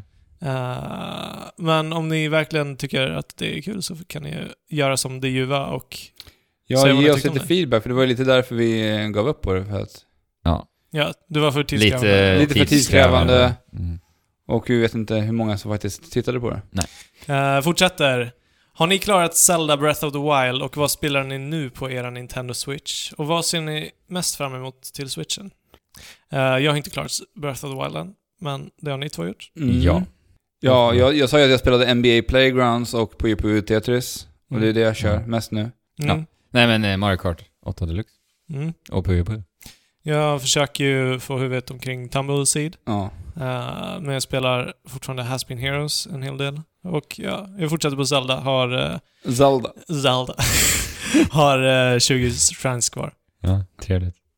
Eh, vad ser ni mest fram emot? Eh, Super Mario Odyssey. Ja, det är väl svårt att inte nämna den titeln. Ja, Mm. Super Mario Men Odyssey. Ja. uh, i, jag ser jättemycket fram emot Stardew Valley. Ja. Mm. Splatoon 2, sommar. Splatoon 2. Ja. Jag är nog den av alla oss som ser mest fram emot ARMS tror jag. Ja, det tror jag. Men jag är mer så här, vi får se vad det blir. Ja, jag är ju faktiskt eh, lite sugen till och med på det Ja. spelet. Spännande. Jag håller mig skeptisk till det. Mm. Men Super Mario Odyssey, förstås. Det är ju där det kittlar till i kistan på mig. Jo men det, så är det Ska du äta det? Sanoyas! Nej. Eh, Men det är fjärilar, Ja. helt Ja. enkelt. Sanoyas! 75. Hej gubbar. Tack för lite härlig Mario Kart 8 Racing. Tyvärr har det krockat med hockeyn. Ser fram emot att köra mer. Ja, men det gör vi också. Eh, nu till frågan, vilket spel som inte är utannonserat ser ni mest fram emot nu på E3? Hypotetiskt naturligtvis. För mig är det Pikmin 4, spela på och må väl Jonas. Ja men det var ju en trevlig titel. Mm. Pikmin 3 var ju så jäkla härligt tyckte Ja, jag. men Pikmin 4 kommer bli super. Vi vet ju att det är under utveckling nu, så att, Ja. Mm. kanske. Så det ju är inte helt och hållet hypotetiskt. Nej, precis. Nej. Eh, men alltså, det är Metroid. Ja. Det är. Alltså det är... Ja. Metroid. Och Animal Crossing. Men sen är jag faktiskt väldigt eh, sugen på att se vad Sucker Punch håller på med. Faktiskt. Mm. Jag tyckte ju dock tyvärr inte Infamous Second Son var jättebra. Tyvärr. Men de, det är en intressant studio. Ja, för mig är det Animal Crossing så länge de gör det rätt. För att jag kommer inte att spela Animal Crossing om det bara är till Switch. Då kommer jag tröttna på det. Mm. De måste göra det. För att när, när, jag spelade, när jag spelat Animal Crossing så spelade jag det varenda dag. Men du har ju spelat för mycket Animal Crossing helt enkelt. Ja men alltså, det, nej det, inte, det handlar inte om det. Utan det handlar snarare om att när jag spelade Animal Crossing så spelade jag på 3DSen. Ja, Det var menar lätt- portabiliteten? Ja, det var Mm. lätt att ta med. Mm. Så jag hade med den till jobbet, jag tog det på bussen till jobbet varenda dag. Ja. Med switchen kommer jag aldrig orka göra det, för den är för stor och för tum, alltså, otymplig att ta med sig. Nej, alltså kom igen Och Nintendo. där måste vi, jag måste se att Nintendo Ja. gör rätt och gör mobilspelet som samspelar med Animal Crossing. Mm. Där vi kan göra våra dagliga sysslor på det mobiltelefonen. vore så smart. Och att det Ja. liksom sparas i i molnet på något vänster. För annars så tror jag att Animal Crossing till Switch kommer falla ganska platt. Det Mm. måste bli mera, det måste funka på både mobilen och i spelet. Ja, och vi vet ju att Animal Crossing till mobilen kommer i år, så att Ja. kanske För jag menar, E3. kolla på när vi spelade det till, till Wii. Mm. Det gav vi det också en liten Ja, men inte Men man tröttnade, alltså, alltså. det, det är det, när man måste sätta igång, det blir här, en grej att sätta igång Mm. det. Det blir för Ett jobbigt. projekt. Ja, jag har ju inte spelat Animal Crossing sen GameCube-spelet egentligen. Ja, eller lite Let's Go to the City Ja, men som det var hette till för lite alltså. Ja. Det var för lite. Fabian då? Men äh, Mario Party till Switch ser jag fram emot vad de ska göra. Oj, Mm. tror du på det här fortfarande? På E E3? Äh, alltså kanske inte det här E3.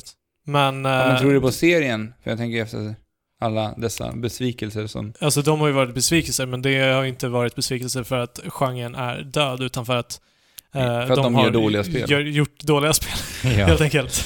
Ja. Eh, jag tror att, alltså potentiellt så kan ett Mario Party till Switch bli, bli Mario Partys stora Jag uppvaknande. hoppas det. Vi har ju sett lite av en trend hos Nintendo nu på senaste, att de går tillbaka till rötterna. Lite grann i Som fall. i resten av typ spe, hela spelvärlden också. Ja, men, eh, jag tänker på Zelda, Ja, eh, Super Mario Odyssey, Mm.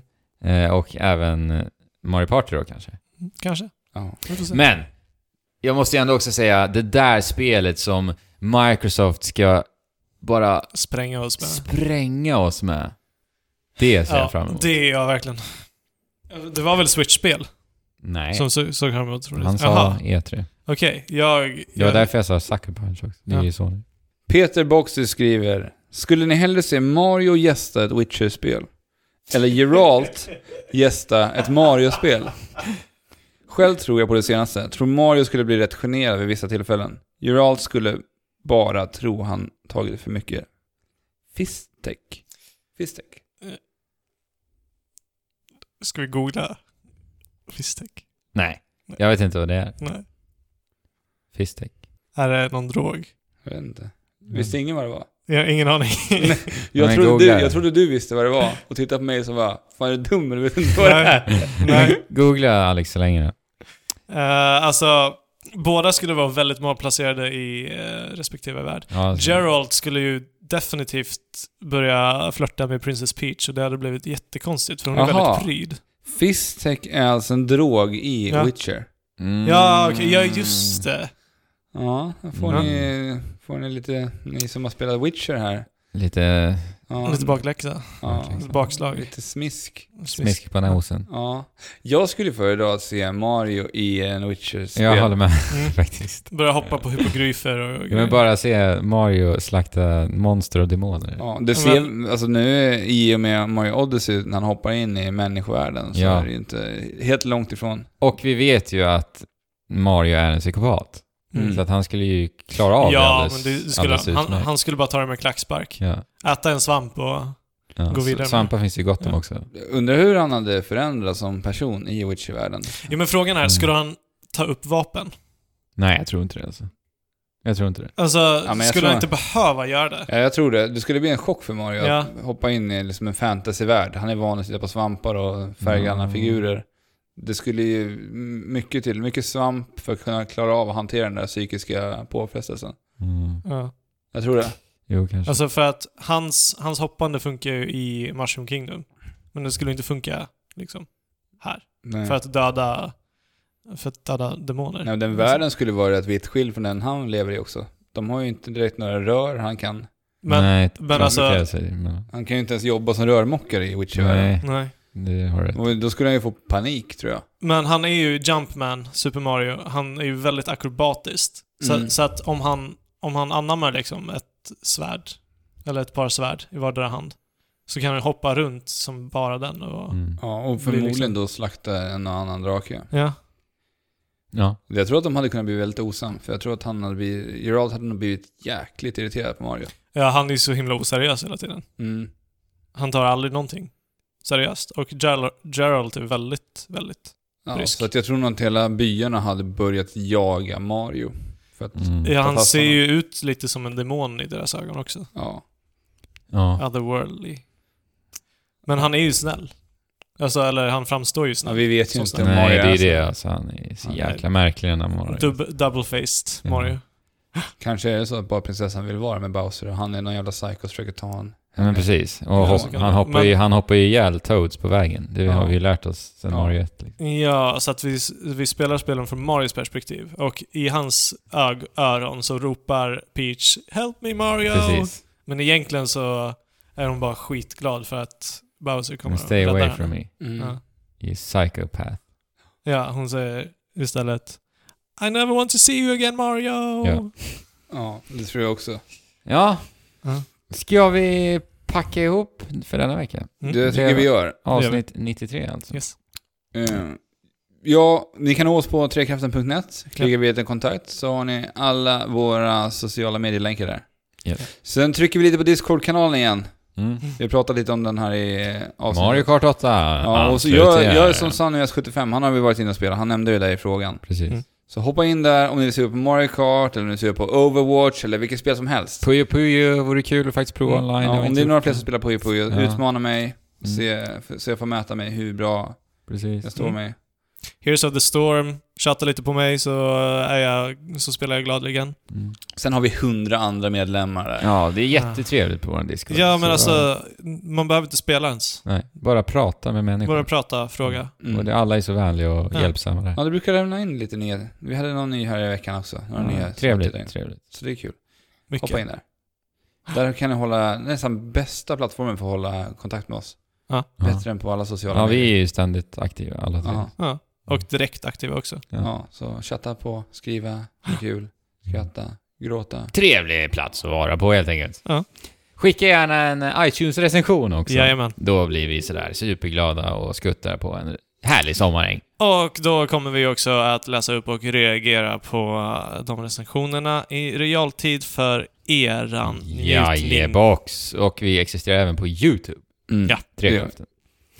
Så, med det sagt allihopa, spela på där ute och chip Chola! Hopp.